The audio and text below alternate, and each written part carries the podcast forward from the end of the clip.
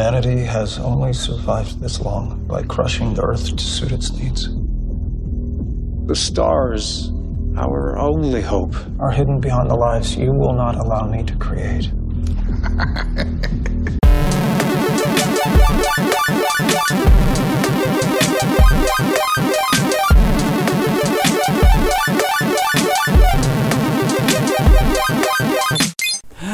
Hubert. Filip, Yy, minęło bardzo mało czasu, odkąd nagrywaliśmy Yy, poprzedni odcinek. mm, Strasznie mało. Ja wydaje mi się, że jeszcze mówię o Blade Runnerze poprzednim. Ciągle jeszcze. Ciągle jeszcze echo stale takie. mówię, ja w międzyczasie zresetowałem się będąc na Poznań Game Arena Filip i grałem w Jedi Challenges, co było całkiem niezłe. Fajne Okej. urządzonko, walczyłem z Maulem i s- skubaniec najpierw jeden miecz odpalił i kazał mi blokować, tam takie kreski się pojawiają jak masz blokować, Mhm. po czym odpalił drugi miecz, ja mówię, już go pokonuję, ale on odpala drugi miecz i wtedy wiesz, dwa razy częściej uderzał, ale jakimś cudem wygrałem.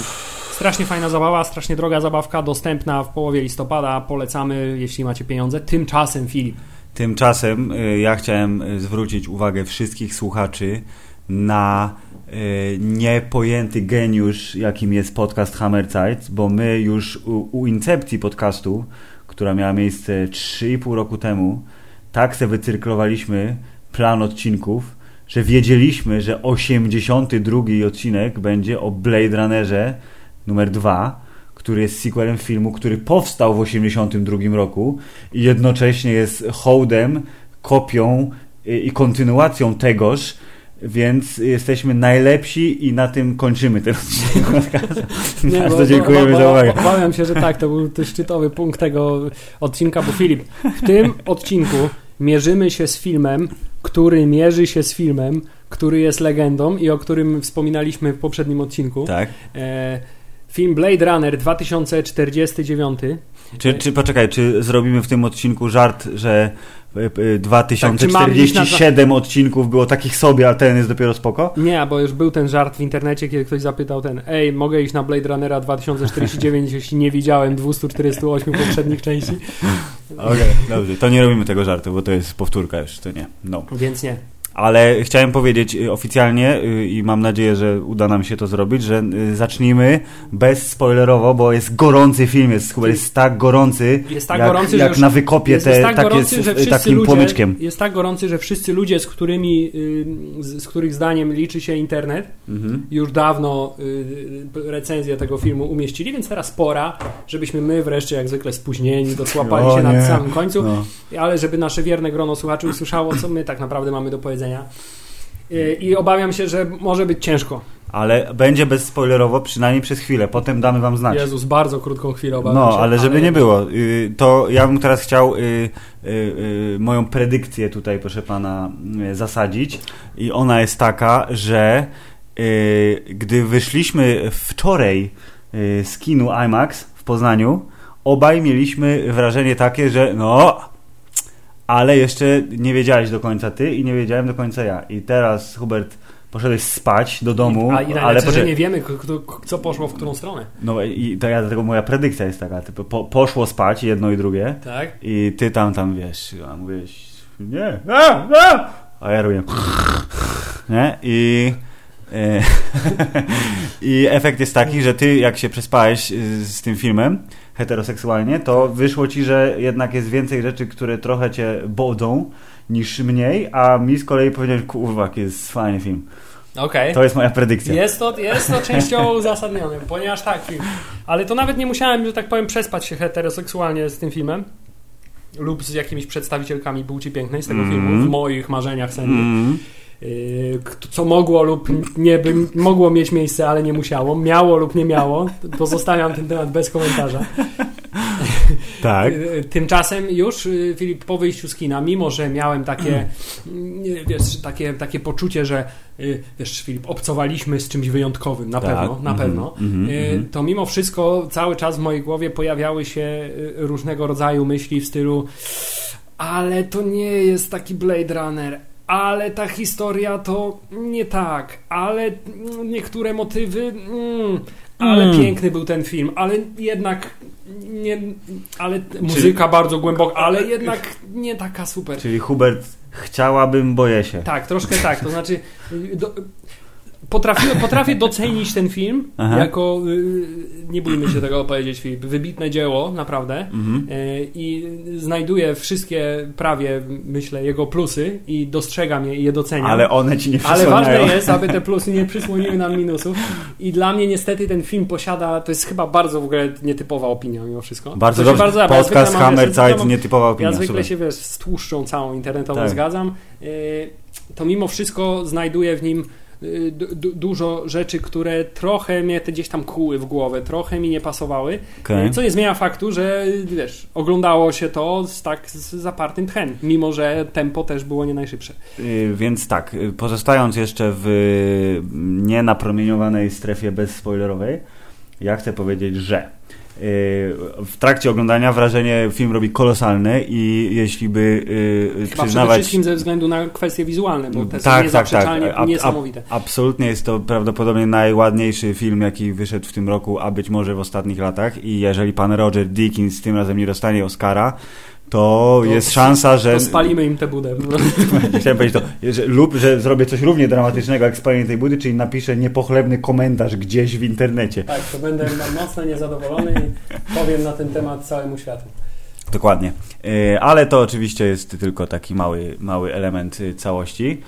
E, Wygląda fantastycznie, brzmi również fantastycznie, bo jak to przeczytałem w jednej z recenzji i bardzo mi się to stwierdzenie po- podobało, że Hans Zimmer uprawia elektroniczny heavy metal. To znaczy snują się te, te takie bią, bią, bią nawiązania do pana Vangelisa, e, gdzie nie gdzie.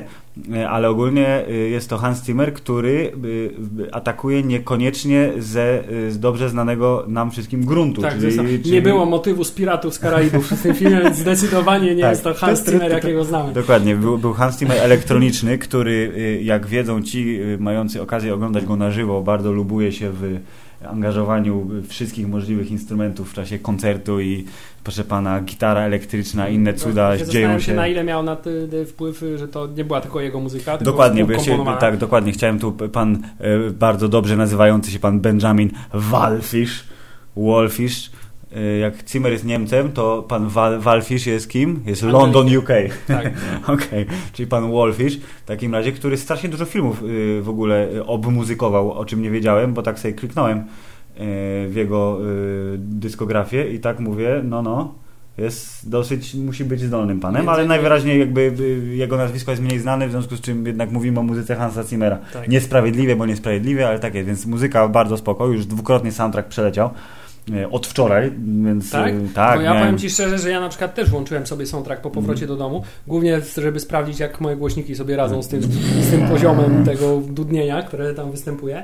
E, I owszem, jest jeden motyw muzyczny, który gdzieś tam można Ale- by się pokusić o to, żeby postawić obok muzyki pana Vangelisa, ale mimo wszystko ta cała muzyka jest, to też jest taka bolączka chyba mocno Hansa Zimmera mimo wszystko, że to jest muzyka bardzo, bardzo szalenie ilustracyjna. Dokładnie chciałem tego samego słowa użyć. Tak, Tak, to znaczy ona jest. bez obrazu traci Mhm. bardzo dużo, bo tracisz tę drugą połowę, która... Tak, dlatego ona u mnie leciała dzisiaj na przykład w tle w pracy i to mi wystarczyło w zupełności, szczególnie, że połowa soundtracku i tak gdzieś tam y, ginie sobie, bo jest bardzo cichy momentami, a dopiero potem wjeżdżają te po prostu elektroniczne tuby i Hans Zimmer, który zasnął na organach w Interstellar, to teraz, proszę pana, wybrał tylko dwa klawisze z tych organów i położył na nich takie wielkie cegły, ciężkie i one ciągle dudnią, e, więc y, y, obrazki super, muzyka super.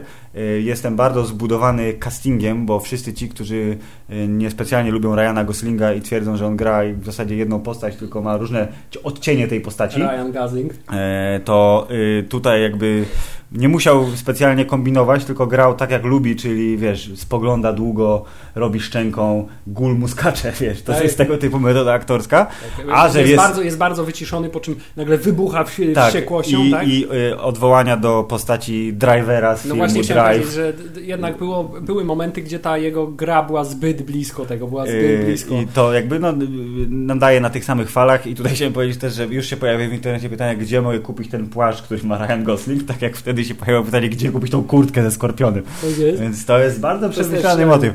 E, Tymczasem na pewno nikt nie będzie pytał, to gdzie mogę kupić zwykły szary t-shirt, który miał na sobie Harrison Ford przez cały film. Bardzo, bardzo mi się podoba. Bo Ten to jest do- na Twitterze, że tak, panie, panie Harrison Ford, teraz pora na przymiarkę garderoby. Fuck you. Fuck you nie? W związku z tym pan Harrison występuje w swoim własnym domowym t-shircie. Tak, ale jeżeli już mówimy o, o, tym, o tym, co robili naprawdę lub nie naprawdę aktorzy, to z kolei podoba mi się wpis, że fajnie, że Jared Leto wpuścił nas trochę do swojego prawdziwego świata. Tak? Czyli to, Jared, to był Jared Leto prywatnie w tym filmie, gdzie latają dziwne rzeczy pełniące funkcję jego oczu i tak dalej.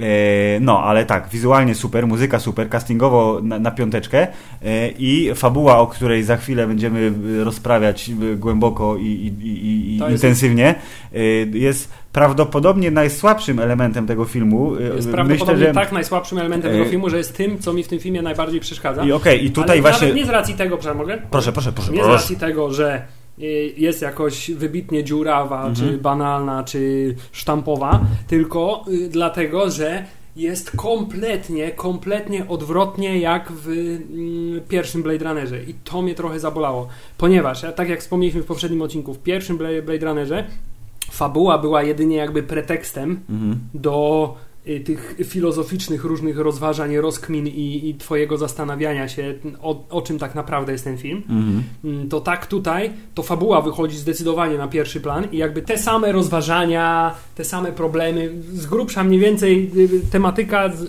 podobna, Mhm. to tutaj jest ona bardzo intensywnie wpleciona w tę fabułę. Tak. I, i, I jakby to mi się nie podobało, że, że jakby to fabuła prowadzi, a nie nastrój mimo wszystko ten Okej, film. dobrze, to ja... ja I zwłaszcza, że Nawiążę do tego, no. a to, ale nawet nie dlatego, że tak to zostało rozwiązane, bo rozumiem, może to z kolei jest pewien plus, że chcieli się od, od, od oryginału trochę Mhm. nie zrobić kopii, tylko jakby się trochę odsunąć. E, Ale mimo wszystko dużo bardziej rzeczy były w tym filmie tak ci dane na tacy. Znaczy jakby wszelkiego rodzaju nawet niedomówienia, które się pojawiają, to są ci wyłuszczane w pewien sposób, gdzie w oryginalnym Blade Runnerze w ogóle nie były wspomniane, albo były pokazane poprzez jakieś ujęcie Okej. na czyjeś oczy. To, to, to tak tutaj masz te, to pytanie wypowiedziane dosłownie, nie? Dobrze, ro, rozumiem, to przejdziemy do tego Za już chwilę, jak za, za momencik. to ci powiem o dokładnych momentach, w których najbardziej mnie to raziło. Okej, to y, nie, bo chyba się nie da, Hubert, jednak dalej brnąć w tą, wiesz, jałową dyskusję. Ale nie, to tylko dla tych, co nie chcą słuchać. No to właśnie. Mimo mojego tutaj marudzenia jestem szalenie zachwycony tym, co zobaczyłem w kinie, więc jeśli ktoś stwierdzi, że nie chce iść na ten film, to popełnia ciężki grzech, jeśli jest wierzący lub niewierzący, wszystko jedno. Absolutnie Bo to jest film, który tak. po pierwsze trzeba zobaczyć, po drugie trzeba zobaczyć i to w jak najlepszym kinie, bo warstwa wizualna jest nawet nie tyle efekciarska, co jest po prostu przepiękna. No jest, Tak, jest to- artystycznie dopracowana w 100%. Prawie że. Prawie, że. I to jest właśnie to, że mogę się zachwycać, zachwycać, ale zawsze gdzieś mi tam z tyłu głowy coś boli. No. To ja chciałem jeszcze tylko powiedzieć, y, zanim przejdziemy do mięska podcastowego, że y, być może y, na y, naszej y, delikatnej y, dychotomii y, opiniowej O mój Boże, O! Używasz wielkich okrągłe zdania, jesteś taki błyskotliwy, sztuczny. Się ludziom nie Czy, podoba. czy jestem robotem? Tak, o, O. No właśnie, i to jest przykład dialogu z filmu Blade Runner 2049. A może jesteś robotem, a może nie jesteś, haha. Jezus. Yy, to chciałem powiedzieć, że tu zaważa na tej opinii y, fakt, że właśnie tak jak wspomniałeś w poprzednim, w poprzednim odcinku, że dla Ciebie Blade Runner jest dużo ważniejszy niż dla mnie i widziałeś go dużo więcej Tak, razy, w związku z czym y, bardziej jest wdrukowany w Twoje popkulturowe jestestwo niż w moje. Bo dla mnie jest to po prostu bardzo dobry film, który podłożył podwaliny pod cały gatunek y, i y, nie, nieoczywistych historii, Bardzo które mają drugie, trzecie Jest dno. to jedynie bardzo dobry film, który położył podwaliny pod cały gatunek. Jest bardzo dobry. Nic Ba- więcej. Nic więcej, to tylko, tak, dokładnie, Tylko tyle, I jego y, minusy są jednocześnie jego plusami, czyli to, co ludzie mówią, że nie, no fajnie, ale dlaczego oni przez 10 minut nic nie mówili, nie? Albo dlaczego on tak patrzy ciągle. To na przykład jest bardzo super, ale ktoś może pomyśleć, że jednak nie jest to najlepsze i że w tym momencie by wstawił, wiesz, trzy cycki i pięć wybuchów. I to, to też się stało mniej więcej w tym filmie. Aż Momentami. tak nie, ale trzy cycki i pięć wybuchów to było w Total Recall od razu było wpisane, bo były i trzy cycki i dużo wybuchów, być może pięć. E, Ale, mili Państwo, Blade Runner jest jak najbardziej spoko i w moim odczuciu jest bardzo, bardzo, bardzo wysoko. Na tyle wysoko, że pewnie jak będę szykował y, super podium, jeśli chodzi o najfajniejsze kinowe przeżycia tego roku, to jestem w tym momencie głęboko przekonany, że Blade Runner będzie na podium. Y, I musiałyby się wydarzyć rzeczy niepojęte. Oczywiście zakładam, że Gwiezdne Wojny też będą na podium, więc pytanie, kto będzie tym trzecim filmem. Thor. i- Nie, bo musi być jakieś ambitne kino. O, ambitne, Ma, małe takie. ale byłeś blisko, na przykład to. O, O, bardzo ambitne kino, ale jakby nie było rekordzista, jeśli chodzi o straszenie ludzi i pieniądze, które zarabia. Ale to jest opowieść, y, której już nie podejmiemy, bo premiera była dawno temu. Więc, mili Państwo, Blade Runner jak najbardziej tak, marsz do kina, a potem wróćcie do naszego podcastu. A teraz y, sygnał dźwiękowy, który oznacza, że już za chwilę dowiecie się, czy Rick Deckard naprawdę jest replikantem, czy lub może nim nie jest. czy będzie to ten najbardziej wkurzający dźwięk na świecie? Tak.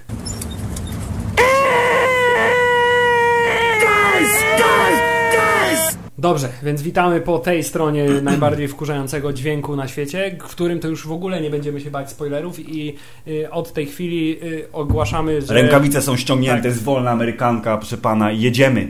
Jedziemy z tym gównem, dawaj! Nie, nie, nie, mów, nie mów tak, że jedziemy z tym, jedziemy z tym arcydziełem sztuki y, y, kinowej. Y, Ale to jest właśnie chciałem powiedzieć, że to przykład tego, jak język angielski potrafi w y, ładniejszym stopniu niż polski y, y, słowo, które jest teoretycznie y, nacechowane negatywnie, pejoratywnie zamienić na bardzo podobne. Jak jest good shit, to proszę pana, dobre gówno brzmi y, fajnie, ale jednak nie niesie ze sobą tego samego znaczenia. A chciałem powiedzieć, że Blade Runner to jest bardzo dobre gówno.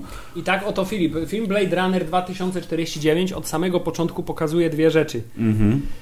Że... Kolor niebieski i pomarańczowy. Że tak, że przede wszystkim, że jest kontynuacją Blade Runnera, ponieważ zaczyna się dokładnie tak samo, to znaczy powolne pojawiające się napisy, wtedy Mhm. akurat tam po, po ekranie płynęły, teraz się pojawiają. Dla tych, co nie widzieli koniecznie pierwszej części, jest wyjaśnione, czym są replikanci, tak, że byli sobie replikanci, że potem zaczęli już nie mieć y, limitu czasu życia, że z tego wynikły same problemy i że w związku z tym został wprowadzony zakaz, ale potem bla bla bla. Tak. Bardzo długa kon- historia tak, wprowadzająca. Jak na kontynuację tak skomplikowanego mimo wszystko filmu, który y, fabułą stoi i ewentualnie y, konsekwencjami tejże, to jest dosyć zamknięty ten Blade Runner. W sensie jakbyś nie widział poprzedniego, to byś wykumał z grubsza wszystko i byś pewnie tak samo dobrze się bawił. Tak. y, y, y, Dużo by ci uciekło, bo byś nie, nie, nie, nie był świadomy konsekwencji pewnych rzeczy, ale jakby da się oglądać go bez znajomości jedynki. Znaczy tak, dużo fanserwisu przede wszystkim też by, też, by, też by uciekło, bo mimo, że jest to dzieło absolutnie wybitne, artystowskie i dopracowane w 100%, to nie, nie, nie, jakby nie,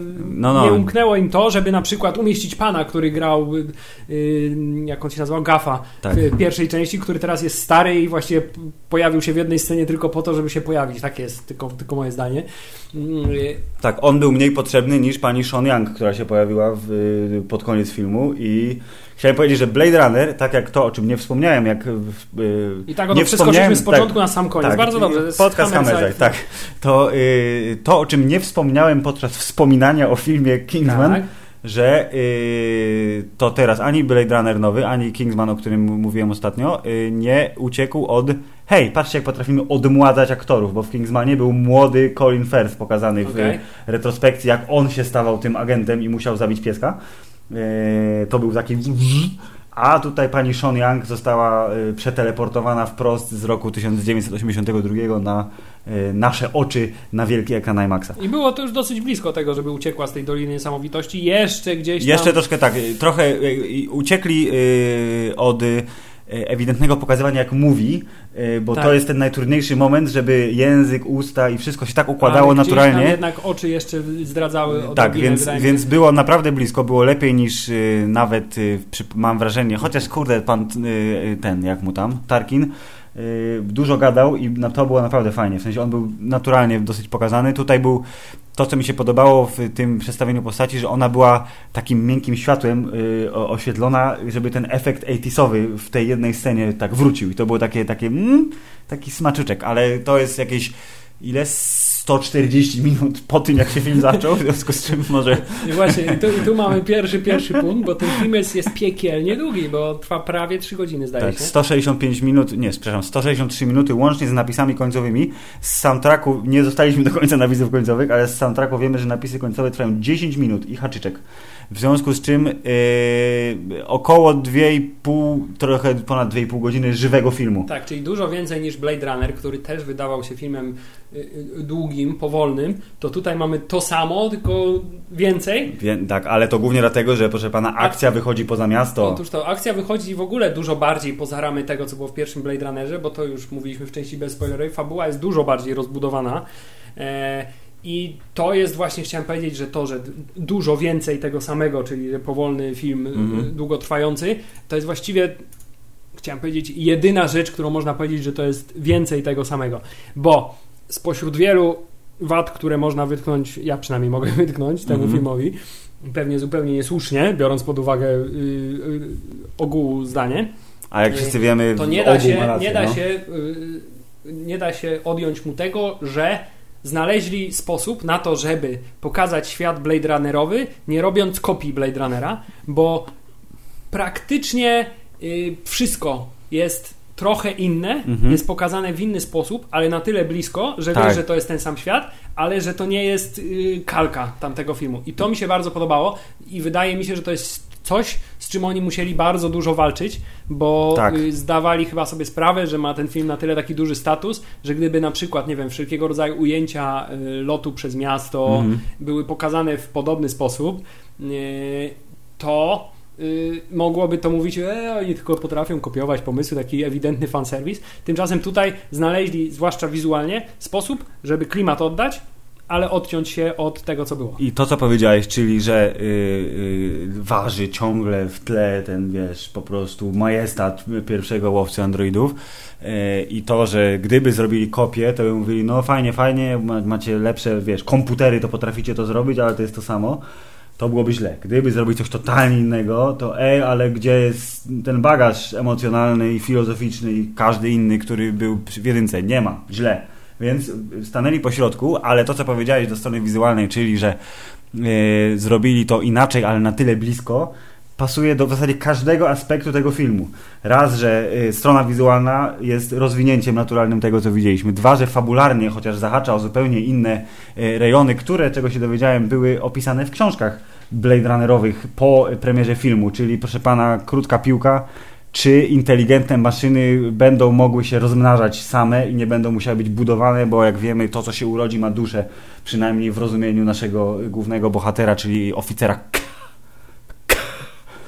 Bo tak ma na imię. No właśnie i to jest... E, I to samo do muzyki, bo przecież ona, e, oprócz tego, że Hans Zimmer uprawia elektroniczny heavy metal, to wraca w paru miejscach do oryginalnego soundtracku. Znaczy, Filip, właśnie chciałem powiedzieć, że dla mnie takim No. przede wszystkim świadectwem tego, że ten film jest świetny, ale coś mi Ale nie no. pasuje. Muzyka jest idealnym przykładem tego, bo przez cały film stwierdzam, fajna muza, super klimat robi, jest taki, wiesz, mocno, dużo cięższy niż ten, No. jest mniej jazzujący, dużo bardziej taki jakiś futurystyczny i, i nie wiem, industrialowy, nazwijmy to, ale muzyka jest przez cały film na pewnym poziomie, Mhm. po czym w, y, w, w końcowej scenie powraca motyw z oryginalnego Blade Runnera i nagle emocjonalnie ta scena staje się po prostu tysiąc razy y, lepsza niż była do tej pory, tylko ze względu na to, że jest użyty ten motyw muzyczny, co tylko świadczy o tym, że ten, ta muzyka oryginalna była tak genialna, że Okej, no że, że, że, że, mimo to, że te nowe motywy muzyczne,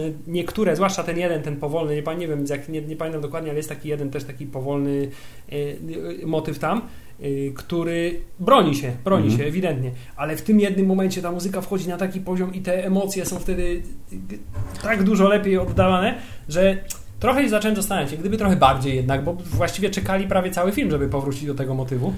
W jakże kluczowym momencie. Otóż to. y, I się tak trochę zastanawiam, czy nie byłoby lepiej, gdyby jednak mimo wszystko trochę bardziej czerpali z tego, co tam się mm, wcześniej działo, a mniej uciekali się Może tak, może nie. I to jest właśnie minimalistycznych To jest właśnie fajne pytanie, bo te, można to pytanie stosować przy okazji e, omawiania wielu różnych filmów, bo zakładam, że to było bardzo celowe zagranie, właśnie po to, żeby jakby ustawić się na swoim. Znaczy, to jest nasza Tak, opowieść, my to robimy, ale proszę, oto jest piękne nawiązanie do tego, jak istotny był dialog, dialog, monolog y, Roya Batego w finale Blade Runnera i tutaj, tylko że bez słów on się odbywa. Tak, tak, Y, zamiast y, deszczu deszcz jest jest śnieg, śnieg. tak. O! I tutaj i to, y, też ktoś ładną y, tą, y, znowu y, trudne słowo, paralelę znalazł, że on, ten robot, bo ważna rzecz, od razu na samym starcie dowiadujemy się, że y, Ryan Gosling i jego y, y, oficer jest androidem, jest replikantem, tylko że z tej nowej, Czy na posłusznej samym wersji. starcie, tak mniej więcej po 7, No. 10, 12 minutach. 70, znaczy ja, ja się zorientowałem w momencie, kiedy Dave Bautista go przebił nim Przez ścianę, ścianę, a mu tak? się nic nie stało, A mu się więc- nic nie stało. To pomyślałem sobie, że na początku, przez krótką chwilę miałem tak, że... Nie, ale chciałem powiedzieć, że w Blade jest- Runnerze, tych nowych Blade Runnerach No. i to już zostało zapoczątkowane we wszystkich tych y, y, y, shor, shortach, Mhm. to znaczy y, po, po czym poznać replikanta? Po tym, że jak wbijesz mu coś ostrego w ramię, to nie zareaguje na to. Dokładnie. Bo zarówno Dave Batista w tym filmiku krótkim Jak dostał ten- w ramię, ten- tak? To i teraz on tym skalpelem wbił Ryanowi Goslingowi ten skalpel, skalpel i, też nie jak, zareagował w Jak Jared Leto prezentował swojego androida, to on tam też się to, przecinał. tak, tak, tak. Więc motyw skalpela w ciele jest prominentny. Po czym poznać replikanta? Dobra, Kiedyś to po ja- oczach, teraz po tym, że Można wbijać mu rzeczy w ramię. Tak. Y, To ja wró- no, no, zróbmy tak, że ja wrócę do tej, proszę pana, paraleli później, bo tak w sumie zboczyliśmy trochę. Y, Start filmu pokazuje nam, że y, Ryan Gosling jest replikantem, tylko w wersji nowej, posłusznej, Znaczy start która... pokazuje nam, jesteśmy w Blade Runnerze, ale odcinamy się, bo nie Tak. pokazujemy miasta, tylko, Tylko pokazujemy jakieś takie wielką- farmy. Wielka farma paneli słonecznych, y, która jest w Kalifornii i najwyraźniej y, dym z tego Los Angeles przebrzydłego przesłania słońce, bo tam raczej słabo jest z dostępem do światła, więc tych luster jest cała masa, ale nas te lustra interesują, nie interesują, bo to jest tylko krajobraz. Pan y, policjant, nasz nowy Blade Runner, leci na jakąś farmę, żeby kogoś lub coś znaleźć i jak się dowiadujemy, jest to Dave Bautista, który y, był bohaterem krótkiego filmiku I który miał tam dużo więcej ja do właśnie chciałem powiedzieć, że tam miał dużo filmie. większą rolę niż w filmie. Trochę się zawiodłem, bo byłem przekonany, że będzie miał więcej do roboty, ale z Zresztą drugiej strony... chciałem powiedzieć. Nie on jedyny, tak, ale chciałem powiedzieć, że to jakby wejście jest bardzo dobre i tutaj jest trivia, bo Hammerzeit ucząc bawi, bawiąc uczy. Otwarcie filmu Blade Runner y, 2049 jest tym, czym miało być otwarcie Blade Runnera oryginalnego, tylko że sceny z przesłuchania na farmie nie zrealizowali z różnych względów. Była napisana w scenariuszu, była obrysowana przez storyboardziarzy, ale jednak y, pana Dekarda poznaliśmy jak żaru makaron, nudle czy co to tam było. I myślę, że bardzo Nie, słuszna decyzja, nie, że super, przez super, tak, tak, tak. Runner To- nie uciekamy z miasta, a Tak. tutaj odcinamy się znowu na samym początku, na zasadzie w tym filmie wychodzimy dużo dalej, pokazujemy dużo więcej niż do tej pory. Dokładnie i y, od razu jest jakby karty są rzucone na stół, to znaczy replikanci w tej wersji, bo owszem, gdzieś tam są te niedobitki klasy tej Nexus 6, która była głównym y, Nie, no motorem. Nexus 6 nie, bo Nexus 6, Osiem. by, Nexus 6 to były te, które był Roy Batty, czyli, Aha, no, no właśnie, czyli te z krótkim okej. czasem życia, a Okej. następnie Nexus 8 były już bez limitu. Mhm. i one się zbuntowały, spowodowały blackout i część z nich zdołała się ukryć, Mhm. ale są... y, Tak, a pan Jared Leto zbudował nową wersję y, androidów, replikantów, którzy są totalnie posłuszni i nie mogą skrzywdzić człowieka. I to jest jakby ten haczyk, że teraz jest... Właśnie teraz się zastanawiam, fajnie gdyby zorganizowali nie? taki seans, gdzie te shorty są przed tym, bo to by było bardzo Mhm. fajne wprowadzenie do samego filmu, obejrzeć to tuż przed. Ja sobie obejrzałem to dzień przed y, pójściem do kina wieczorem, Mhm. wszystkie trzy po kolei i rzeczywiście ta historia się dużo Tak, bardziej by wtedy było, składa, byłoby no. to fajne, ale no proszę pana, od czego są... Ile Od Blade Runnerów jest? żeby było 20 minut reklam, Tak, nie 20 dokładnie. minut krótkometrażówek przed filmem. Zgadza się. No, w Ameryce są takie kina, co puszczają te double feature i inne cuda, to tam może się znalazł ktoś taki, ale to się wszystko znajdzie na płytkach. Jak będziesz chciał do kolekcji mieć, to proszę pana, nie tyle, nie tylko shorty, ale też pewnie dla twojej viewing pleasure dłuższa, jakieś 15-20 minut wersja reżyserska, może, a może nie, I zobaczymy. wszystkie wycięte sceny z Jaredem Leto, które jest, jest drobna tradycja, się z tego robi prawdopodobnie. Z wszystkich wyciętych scen z Jaredem Leto, z wszystkich filmów powstałby fajny serial prawdopodobnie. Jest. Bardzo rozbuchany fabularnie, ale bardzo fajnie. W każdym razie, wracając do tego, y, y, jak się zaczyna Blade Runner nowy, karty rzucone na stół, to znaczy y, replikanci są jeszcze bardziej ludzcy i oni jeszcze bardziej chcą tego człowieczeństwa zaznać, bo tak jak Roy Batty w tym swoim questie y, po nie tyle życie wieczne, co życie Dłuższe, normalne, dłuższe, tak. jak ludzie i to, żeby właśnie udowodnić to, że maszyna potrafi mieć duszę, czuć i, i być, to ci replikanci, oni są oni, przynajmniej na przykładzie pana Bautisty, oni żyją normalnie. No właśnie chciałem mają powiedzieć, że, że pan Bautista w tym filmie jest takim w sumie dowodem, że rzeczywiście oni mają duszę. Ja więcej nie potrzebowałem tego, bo... bo Nie no, czosnek gotuje, bo lubi, no weź, właśnie. daj spokój. Już wiadomo. Właśnie gotuje sobie czosnek, hoduje jakieś tam larwy. A tak, czosnek białko, tylko dla siebie, bo jest koneserem czosnku e, i brawo. No ale niestety jakby e, litera prawa nie zna tutaj kompromisów i pan K mówi sorry stary, ale muszę cię zabrać, bo jesteś ze starej klasy i mam obowiązek cię y, od, odesłać na emeryturę, więc bardzo chętnie bym y, Ale- tego nie robił siłą. Ale właśnie przez dłuższy czas, przynajmniej przez dłuższy czas tych pierwszych minut filmu, yy, rozważałem w swojej głowie, czy to nie będzie główny temat y, tego filmu, zwłaszcza po tym szorcie z Mhm. panem Jaredem Leto. Yy, Na temat tego, że te androidy nowe, te, ci replikanci nowi są w 100% posłuszni, nie Mhm. potrafią odmawiać, są Mhm. tak zaprogramowani, że, że po prostu służą. Tak. Yy, A tymczasem już w pierwszej scenie pan, yy, pan, pan Ryan Gosling Gosling. Gosling, przepraszam, bo naoglądałem, naoglądałem się tego filmiku, w którym Harrison Ford nie wie, jak, jak ma na imię Ryan Gosling i najpierw pyta go, jak ma na imię, a potem mówi na niego cały czas Ryan Gosling, więc to jest... E, tak- Harrison tak, Ford Tak, więc tak mi no. zostało. Yy, Pokazuje, że gdzieś tam jakiś szacunek, Mhm. czy też pokrewieństwo dusz do pana Bautisty odczuwa i zastanawiałem się, czy to nie będzie ten taki ulotny temat całego filmu, to znaczy w jaki sposób funkcjonuje umysł tych y, 100% posłusznych, ale jednak czujących maszyn. Mhm. Okazuje się, że temat jest jednak dużo bardziej y, łopatologiczny. Tak, jest jednocześnie bardziej efektowny i ja sobie myślę, że to jest jednak trochę znak czasów, że gdyby bardzo, bardzo chcieli, to by mogli zrobić tak jakby 80% filozoficznie, 20% fabularnie. Czyli Mogliby tak zrobić, E, bo, na, bo jak widać zrobili tak, jak zrobili i tak film póki co jest No właśnie, i to, to, był, y, to był y, ryzyk fizyk. Więc z e, jednej strony y, Czyli przece- wolał, przecenili, wolałbyś, z żeby poszli, strony- poszli bardziej w tą stronę taką właśnie. Tak, bo, bo zakładam, że efekt byłby dość podobny, bo mimo wszystko chyba wciąż, y, nie ujmując oczywiście nikomu, przeceniają mimo wszystko potrzeby Mm, mhm, takiego widza przeciętnego. Tak, przeciętnego, statystycznego, kinowego widza i mimo wszystko ten film jest jeszcze, mimo że uproszczony w stosunku do oryginału, To wciąż jest za trudny. To wciąż jest zbyt, zbyt, nie wiem, y, skomplikowany, monotonny, długi, męczący, tak mi się wydaje. Jest to niewykluczone, no ale tak czy siak y, mamy go w takiej, w takiej formie. Teraz patrzę, bo mamy otwartą Wikipedię, że 81 milionów, jak rozumiem, box office to jest y, po weekendzie na całym świecie. Y, Chociaż Amerykanie oczywiście traktują tylko domestic jako To nie ważny, nie? znaczenia, Ja wiem. Na razie jest, y, powiedzmy, że w, mniej więcej w połowie tego budżetu, który wydali na, na, na filmowanie, w związku z czym na razie jest słabo, ale no to jest ledwie 3 dni wyświetlania, w związku z czym obstawiam, że to się zmieni i cały świat pokaże, że jednak jest miejsce na tego typu kino. Y, Ale tak, y, ten łopatologiczny motyw fabularny to jest wspomniane już wcześniej, to czy androidy, y, replikanci potrafią się rozmnażać i jak się okazuje tak, chociaż nie jest to w żaden sposób wyjaśnione. To jest jakby to, co mi się dosyć podobało, pomijając fakt, że wszystko mi się podobało, ale to, co mi się dosyć podobało, że tutaj w tym filmie dużo jest takich elementów, które inny film trakto- jakby budowałby napięcie i traktowałby jako takie wielkie, totalne rewelacje, bo to byłaby albo piekielnie efektowna scena, albo właśnie taki fabularny, takie kowadło, nie, co spada i po prostu mówisz Jezus Maria! I pierwszą rzeczą to było to, jak oni badają zwłoki, które pan Gazling za pomocą swojego super robota wewnątrz pojazdu y, wyskanował z podziemi i to były zwłoki y, Pani kobiety, Rachel, tak? która potem okazuje się być panią Rachel, y, która jak się okazuje zaszła w ciążę, ale dziecko zostało wyciągnięte z niej za pomocą cesarki i to było okej, w czasie badania tych kości to było taki zoom, zoom, zoom, ej, te znaczki mówią, że to jest cesarskie cięcie i to było tak, to jest niemożliwe, musimy to skasować.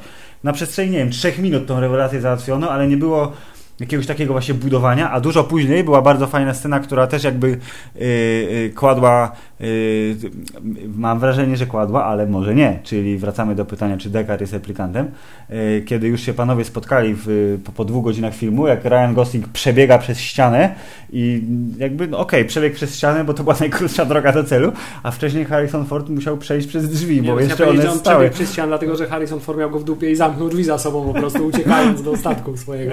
Okej, no nie ma, ale jakby to było to, że to też było takie na zasadzie, no my już wiemy od dobrych dwóch godzin, że Gosling jest replikantem i jakby jego rozterki wszystkie to są echem tego, co się działo w pierwszym filmie. Mm, Ale to właśnie był taki od niechcenia wrzucony, taka Tak, rzecz, tak. to taka, Nie, no to- to tak. to jest element tego świata, ale to jest tak, macie, no to jest kolejny y, y, składnik. Tak, i widzisz, ty zwróciłeś uwagę na to, że niektóre rzeczy są pokazane y, dużo bardziej subtelnie niż, niż w przypadku innych filmów. Ja z kolei zwróciłem uwagę, Mhm. Że wciąż wszy- za bardzo? Że wszystkie te rzeczy są pokazane dużo bardziej bezpośrednio niż w przypadku pierwszego Blade Runnera. I tak na przykład, już w ogóle nie będę się teraz zatrzymywał Dawaj, dawaj, tylko. go. Tak jak na przykład przez cały film zastanawiamy się, zwłaszcza po, po którymś obejrzeniu, e, czy ten Descartes jest, jest replikantem, czy nie jest, tak? Mhm. I tak jak przez cały film nie jest ani słowo w ogóle o tym wspomniane, ani trochę. Mhm. To wynika z obrazów i z tego, co widzimy i co się dzieje. Y, Tak tutaj temat bycia lub niebycia de, de replikantem Descarta jest rozwiązany dialogiem i to takim dialogiem, który mam wrażenie, ja to wręcz odebrałem, jest takim trochę naigrywaniem się z widza, bo jest takim dialogiem na zasadzie Ej, naprawdę myślisz, że to przypadek, że się spotkaliście? Czy że zostałeś zaprogramowany, żeby tam pójść i się zakochać, żeby doprowadzić do rozmnożenia y, replikantów? A może to była miłość? Nie wiadomo. Mniej więcej tak ten, tak ten, tak ten monolog pana, y, Pana Jareda. Leto y, przebiegał. Y, tak samo najgorszy możliwa rzecz, którą zrobili w tym filmie, to jest najgorsza rzecz, którą zrobili Okej. w tym filmie, oprócz drugiej najgorszej rzeczy, o której później powiem, Dobrze, no. to jest y, finałowa scena. Kiedy już wiemy, y, że y, pan Kay nie jest, czy pan Joe nie jest synem Harrisona Forda, tak? Mhm. I, i b, b, pomaga mu dotrzeć do swojej córki, tak? Mhm. Y, I Harrison Ford zadaje mu pytanie: Dlaczego to robisz? Super, starczy. Ale nie, musi paść drugie pytanie. Kim ja dla ciebie jestem? No kurczę, jeszcze tylko, jeszcze tylko brakowało, żeby powiedział, czy ty traktujesz mnie jak ojca? ojca? Okej. Tak, wiemy, że o to chodzi. I to było, to było to zdanie, które było jedno za daleko. Było przez całe, było wiadomo przecież, że on jest dla, dla niego ojcem Okej, tak naprawdę. rozumiem. Mimo, że Myślałem, że pójdziesz w dalszą, y, w inną stronę i mi by się bardzo podobało, gdyby film się skończył na y, scenie, jak y, pan Kay umiera na schodach i jest koniec. Jakby to jest finałowa ta, że była ta dodatkowa scena, kiedy Harrison Ford poszedł zobaczyć swoją córkę. No to już jakby jeszcze E, przełknąłem, ale, ale te, to, to jedno zdanie jakby zepsuło mi cały odbiór tej sceny, bo stwierdziłem, tak, wiem, wiemy o co chodzi. Widzisz, ktoś by pomyślał, że, że, że, że, zatrzymali się krok wcześniej, Mhm. czyli nie powiedzieli, wiesz, może to nie było prawdziwe wspomnienie, ale jednak, wiesz, bla, bla, bla. Tak. A ja to traktuję tak, że mimo wszystko poszli krok za daleko, Okej. bo już z tego pierwszego zdania można było zrozumieć całą Hubert, tę bo ty jesteś takim wykształconym po prostu Ja wiem, kinomanem. jestem, po prostu bezwzględnie inteligentny. No właśnie, jak już Jak wiemy, jesteś fanatykiem Plama. myślenia, w związku, z czym, w związku z czym jakby y, no, nie, każdy, proszę pana, partner y, w, tej, w tym tak dyskursie samo, popkulturowym tak samo, jest... Filip, jak niestety nie, nie, jest te, też jedna rzecz, której No. się nie wystrzegli. No. To znaczy to, na co, to, co jest bolączką wszystkich filmów, w których jest tajemnica i która Mhm. to tajemnica zostaje ujawniona w pewnym momencie filmu, to znaczy musi być flashback do wszystkich ujęć, które były wcześniej w filmie, bo ponieważ widz nie zapamiętał, że takie Tak, coś to, to, mi się, to, to jest ta jedna rzecz, która mi się nie podobała, to znaczy, że w tym całym obrazie, który jest bardzo precyzyjnie skonstruowany i na tyle mocno czerpie z oryginału, że powinien się wystrzegać takich rzeczy, bo jednak jest skierowany do bardzo konkretnego widza. To. Te momenty, kiedy pamiętam, że 30 minut temu był ten dialog, nie musicie mi go z offu puszczać w tym momencie, bo ja to wiem.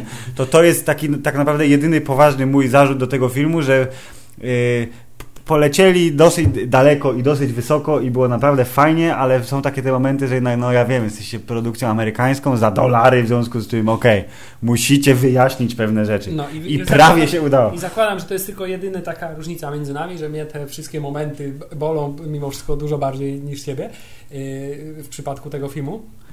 Ale dobrze, to już się Filip wygadałem na temat tego, co, co, co, co, co mi nie odpowiada. No, generalnie zawiodłem się trochę tym, że tak naprawdę fabuła została yy, bardziej sprowadzona nie- na ziemię, to znaczy głównym tematem filmu jest generalnie o replikanci się potrafią rozmnażać i teraz co się stało z tym dzieckiem i jakie są tego konsekwencje. Tak, jest- Czyli trochę jak fabuła yy, filmu, jak to się nazywało, ten, ten? Yy, z, z, z, o, o tym, że ludzie nie mogli się rozmnażać i się urodziło na Children planecie. of Men. Tak, Ludzkie dzieci. Men. Czyli mniej więcej trochę w, tą, w, tę, w tę stronę. Okej, E, okej. I, I jakby różni ludzie mają różne powody, żeby albo odnaleźć, albo właśnie zniszczyć to urodzone dziecko, które gdzieś tam zmieni bieg ludzkości. Tak, i właśnie to, co pojawiło mi się w, w, wśród komentarzy jako pewien zarzut, który jest taki trochę na siłę, ale rozumiem i miałem takie z tyłu głowy taką myśl, że cały ten drugi Blade Runner, mimo tego, że jest zamkniętą historią i jest zrobiony, mam wrażenie, tak dobrze, jak mógł być zrobiony, nie licząc tego, o czym powiedzieliśmy przed chwilą, I jeszcze paru E, rzeczy, ale o, ale to powiesz później, tak? Y, to, że ty- kładzie klocki, które jeśli tylko finanse pozwolą, zrobią za lat 30 kolejny trzeci film, który będzie pokazywał tą rebelię androidów, replikantów wobec ludzi. Znaczy, Bo to było tak, że ej, szykujemy się do wojny, tak? I to dziecko jest naszym tutaj forpocztą zmian, które nadchodzą. y, I tutaj, Filip, mam też ciekawy takie ten, bo No. wydaje mi się, że biorąc pod uwagę, że to jest Blade Runner, Mhm. to fajniejszym sequelem, zresztą bardzo wpisanym w to, w jaki sposób to jest zrobione, byłoby nie sam bunt, Mhm. tylko b- krok kolejny, co się dzieje po tym buncie. Nie, Czyli tak jak tutaj mamy, wiesz, blackout, mamy Okej, tylko formie tak, tak, krótkiego tak, no. filmiku i mamy jakby wstęp do tego, co powoduje kolejną rewolucję i teraz znowu będziemy mieli rewolucję i... i To byłoby bardzo spoko, bo można by zachować tytuł Blade Runner, tylko że Blade Runnerami byliby, byłyby androidy, które polują na ludzi, Na po, przykład. niedobitków, tak? Po starej rasy. Poza tym inny taki sygnał o tym, że oni naprawdę się sadzą na sequel, Mhm. y, moim zdaniem też jest sama postać pana Jareda Leto. Który która- zniknął gdzieś tam, nie? Który, tak, pan Wallace, który pojawił się w dwóch scenach w całym filmie Tak. e, i który był używany przez fabułę bardzo, bardzo zdawkowo. I on był właśnie używany w sposób, w jakim się podoba, znaczy on był taką obecnością Mhm. bardziej e, i niż jakimś tam znaczącym Tak, to było w ogóle fajne. Więc Mhm. może to oznaczać tyle, że oni jakby go zachowują na właśnie, wiesz, mimo wszystko... Byłoby bardzo sequel. super, bo to jest fajna, bardzo fajna rzecz w tym filmie, kolejna bardzo fajna rzecz w tym filmie, że cała ta historia, chociaż y, oczywiście y, wytknąłeś jej niedociągnięcia z twojego punktu widzenia, że ona jest taka ludzka. Jest ich parę. taka ludzka, w sensie nie ma, że jest hej, jestem policjantem i tam jest wielki zły boss, jakkolwiek by tego bossa nie, nie, nie przedstawić i my musimy go zabić. Żeby, to No jest cel filmu, zabić złego gościa i wszystko będzie dobrze. To jakby to jest zupełnie z boku i ten Neander Wallace, który jest tą właśnie personą, tą obecnością, m, której działania doprowadziły do powstania tego całego tutaj y, galimatiasu, czyli to, że on tworzy tych bezpiecznych, y, posłusznych robotów, ale jednocześnie y, szuka dziecka, bo właśnie tego nie wiemy jak, ale to też jest jedno z niedopowiedzeń. Jak on się dowiedział, minęło 30 lat od y, czasu, kiedy to się wydarzyło, więc jakby miał czas i środki, żeby się dowiedzieć. Nie wiemy jak się dowiedział, ale dowiedział się, że Rachel miała dziecko y, i że to ona replikantka, dziecko replikant i że to jest pierwszy taki przypadek na świecie, w związku z czym konsekwencje są po prostu niepojęte, Jako ale on jako jako- światły człowiek i wizjoner chce położyć na tym łapy, bo według tego, co widzieliśmy w filmie, jego marzeniem jest stworzyć armię e, replikantów, bo jest na to zapotrzebowanie i właśnie pytanie, czy to jest krok biznesowy, bo on nie jest w stanie zrobić miliarda robotów, a jest potrzebny miliard robotów, tylko jest w stanie zrobić ich tam X. I on chce mieć miliard robotów, bo A, to jest dobry biznes, czy bo B, on wie, że zmiana nadchodzi i on chce być po tej dobrej stronie w jego mniemaniu, czyli tej, która To wygra. Jest, to, to jest fajnie. No z tego, jak to tam było zaprezentowane, można było bezpośrednio jakby wyciągnąć po prostu, że o, co tam, mamy tylko 9 kolonii, a przecież powinniśmy cały kosmos Mhm. powinien być już nasz. W związku z tym potrzebujemy do tego po prostu niewolników, bo każda cywilizacja była zbudowana na niewolnictwie. Y, Czy chcemy się do tego przyznać, czy nie. Czy jest to poprzez bezpośrednie niewolnictwo, czy jakiś wyzysk taniej siły roboczej, czy coś Wiadomo. takiego. Ale może rzeczywiście ten cel gdzieś jest jeszcze dużo bardziej ukryty. Także potencjał na sequele jest zdecydowanie bardzo duży. Mhm. Y, Mówimy tutaj o panu y, Jaredzie Leto. Myślę, że z ostatnich jego ten jedna z ciekawszych ról. Taka dużo bardziej stonowana niż Joker, dużo bardziej Mhm. stonowana niż jakieś jego po, poprzednie kreacje. Jak się nazywał ten film o. o, o... O ejcu? Tak, tak, tak. E, Witaj w klubie. O, witaj w klubie, tak. E, ale mimo wszystko taka bardzo fajnie, w fajny sposób mroczna i nieoczywista postać. Mhm. E, W odróżnieniu od innej postaci, która w ogóle nie powinna moim zdaniem znaleźć się w tym filmie. Czyli I teraz chodzi- możesz zgadywać. O, inna, dobra, poczekaj, to albo jako, że mam e, w, głowie mam e, No właśnie nie wiem. Obstawiam, że jest to postać kobieca. Bo, Jest to postać bo kobieca, y, tak. nie mówiliśmy w zasadzie i- jeszcze i- w i ogóle chciałem o powiedzieć, paniach. Że, że poczekaj, że No. spośród postaci kobiecych jedna postać jest, y, może nie jest najlepszą postacią, ale rozważania na temat tej postaci są moim ulubionym elementem tego filmu. Jest to Druga postać- z tych postaci Dobra, no. jest najgorszą postacią w tym filmie i moim zdaniem powinna zniknąć z niego. O Kurde, bardzo jest ciekawe, bo zakładam, że pierwszą postacią jest postać Joy, czyli pani e, sztucznej inteligencji, kompanki naszego głównego bohatera, z czym się zgadzam totalnie, E, ale pozostałe postacie kobiece to jest A. e, To jest budżetowa wersja Daryl Hanna, B. e, super twarda pani policjant, czyli raz jeszcze generał, e, jakiej tam było z Wonder Woman, tylko w wersji futurystycznej. I C. Super zła, bezwzględna prawa ręka Jareda Leto, czyli pani Turbo Robot. I obstawiam, że to o to ostatnio chodzi. Tak, to właśnie o tą postać chodzi. To była postać, która kompletnie mnie nie przekonała z tego prostego względu, że w filmie, filmie takim jak Blade Runner nie ma miejsca na postać taką jak T-1000.